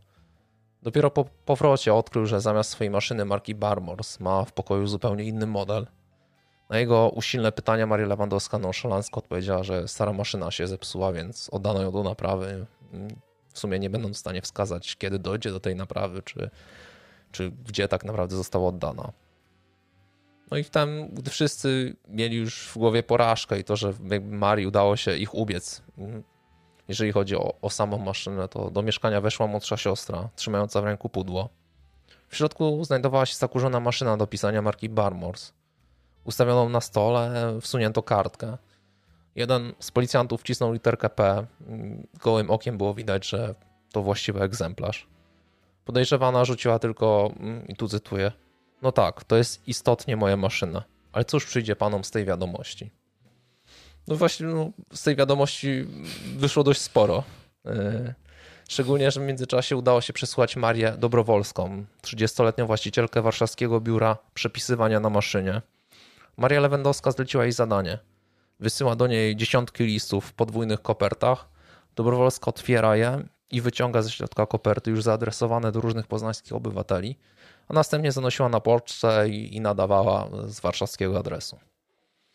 Pod naporem takich dowodów Maria cały czas początkowo obstaje przy swoim, jednak po kilku godzinnych przesłuchaniach w końcu przyznaje się do winy. Zaczęła tłumaczyć, że nie działała z chęci zysku, ale w głębokiej depresji, spowodowanej osobistymi przeżyciami na tle zawodów życiowych. Chodzi śmiało o Bogdańskiego. Lewandowska była z nim w kawiarni po odebraniu listów z redakcji Kuriera. Razem z nim odwiedziła panią Prażmowską, a parę lat wcześniej w jego sprawie napisała list anonimowy do Marii Jastrzębskiej. W międzyczasie była z nim nawet na wakacjach we Francji. To tam poznała właśnie Dobrowolską, a przedstawiła się jej jako żona Bogdańskiego. Koniec końców doszło do rzeczonego zawodu miłosnego. Prawnik nie był skory do żeniaczki i interesował się również innymi kobietami, za to kobieta chciała się zemścić. Nie był to tak naprawdę jednak atak bezpośrednio na kochanka, a całe środowisko, z którego pochodził. W pamiętniku znaleziono taki wpis. Po co chadza się w ogóle do kawiarni na małą czy też dużą kawę? O ile ktoś nie ma specjalnie miłego rendezvous, to chyba tylko po to, by coś usłyszeć i coś powiedzieć. Jest najzupełniej obojętne, czy to coś jest prawdą, czy też nie. A wszyscy wiemy, że najdrobniejszy fakt, kiedy go powtórzy kilka osób, jeśli jest tak zniekształcony, że pierwsza osoba ledwo rozpozna to, co niedawno sama powiedziała. Dziwny objaw, ale tak bardzo charakterystyczny dla poznańskiego życia towarzyskiego. U nas rozmowa, choćby w najbardziej wytwornym towarzystwie, ma zawsze charakter jednej, nieustającej plotki. Takie plotki na temat Lewandowskiej zalały teraz poznańskie salony. Sama podejrzana dolewała tylko oliwy do ognia naprzemiennie, przyznając się i odwołując zeznania.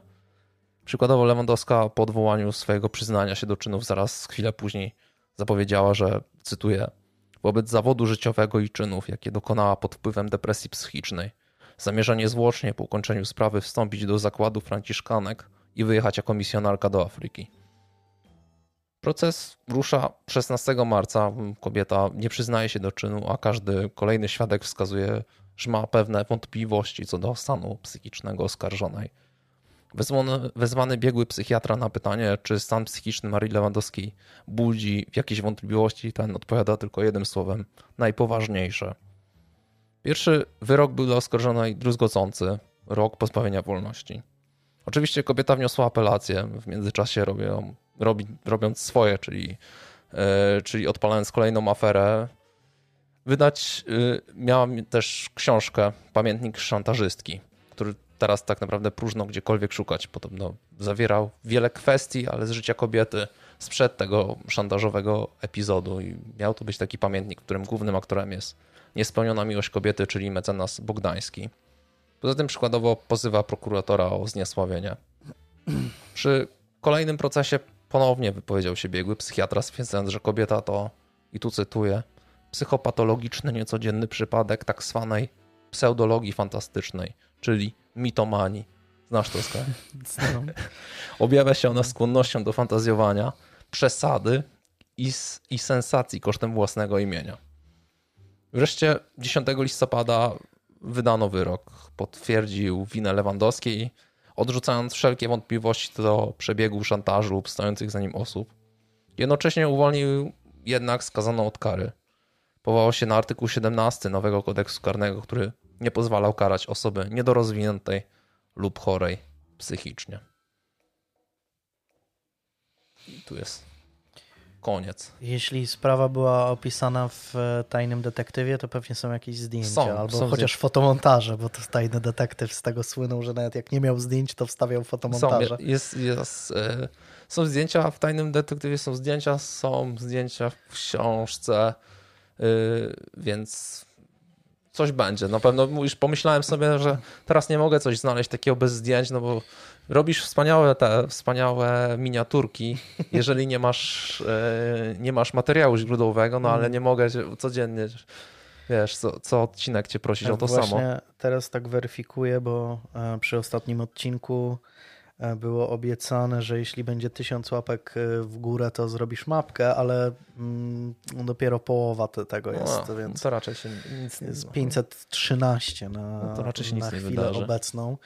Więc jeśli będzie miała być e, mapka e, z poznańskimi rewolwerowcami, no to musicie się bar bardziej, bardziej postarać, a, e, ale no, będzie raczej ciężko. No bo tam nie wskazaliśmy terminu, to nie będzie tak, że wiesz, że, że za trzy lata będę musiał robić tę mapkę. Już o sprawie zapomnę totalnie, a tam... Ale to dobrze, dobrze, że są, dobrze, że są fotki. Tajny detektyw zawsze, zawsze staje na wysokości zadania. Eee... No, też taka sprawa bezkrwawa. Dzisiaj takie trochę bardziej sprawy, sprawy bez, bezkrwawe. I, I dobrze, bo ostatnio były, było, było inaczej.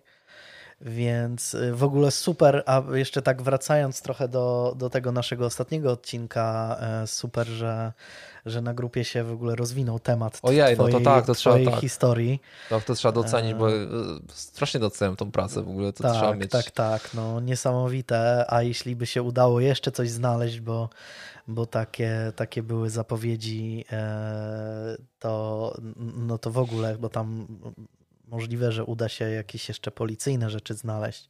Gdyby się udało, to w ogóle byłoby, byłoby fantastycznie, ale nawet to, co się, co się udało, zawsze w ogóle takie obcowanie z taką żywą, No słuchaj, był- żywą historią Tam jest był, super. e, Nie? o ile 1851, o ile to się dobrze Szczerze pamiętam. mówiąc, nie, nie pamiętam dokładnie, ale no. Chyba tak, no, no. już teraz tu notatek nie mam z tamtego, ten, z tamtego odcinka, tak, ale, tak, tak. No. ale tak mi się coś Nies, wydaje. nie, niesamowite, niesamowite, że, że udało się dokopać do takich, e, do takich dokumentów. Więc jeśli jeszcze Was nie ma na naszej grupie facebookowej, to zapraszamy serdecznie, bo tam się e, no, czasami fajne rzeczy dzieją, e, więc, e, więc warto. Mm, Chociaż też teasowałem to, to na, na fanpage'u samym, ale może też nie wszyscy, nie wszyscy widzieli. E, Więc warto, warto e, na nasze, naszą facebookową grupę wejść, e, Rozgościć się. rozgościć się, bo jest bardzo sympatycznie. I co? I będą w końcu zdjęcia, e, będzie, będ- będą też zdjęcia na Facebooku, źródła oczywiście, e, chyba ostatnio nie wstawiłem źródeł do Twojej historii, ale źródła oczywiście są też e, to pewnie jest związane z tym, że ja zapomniałem. Ja mam, mam taką skłonność Moż- niestety, że możliwe. ja. Możliwe, możliwe.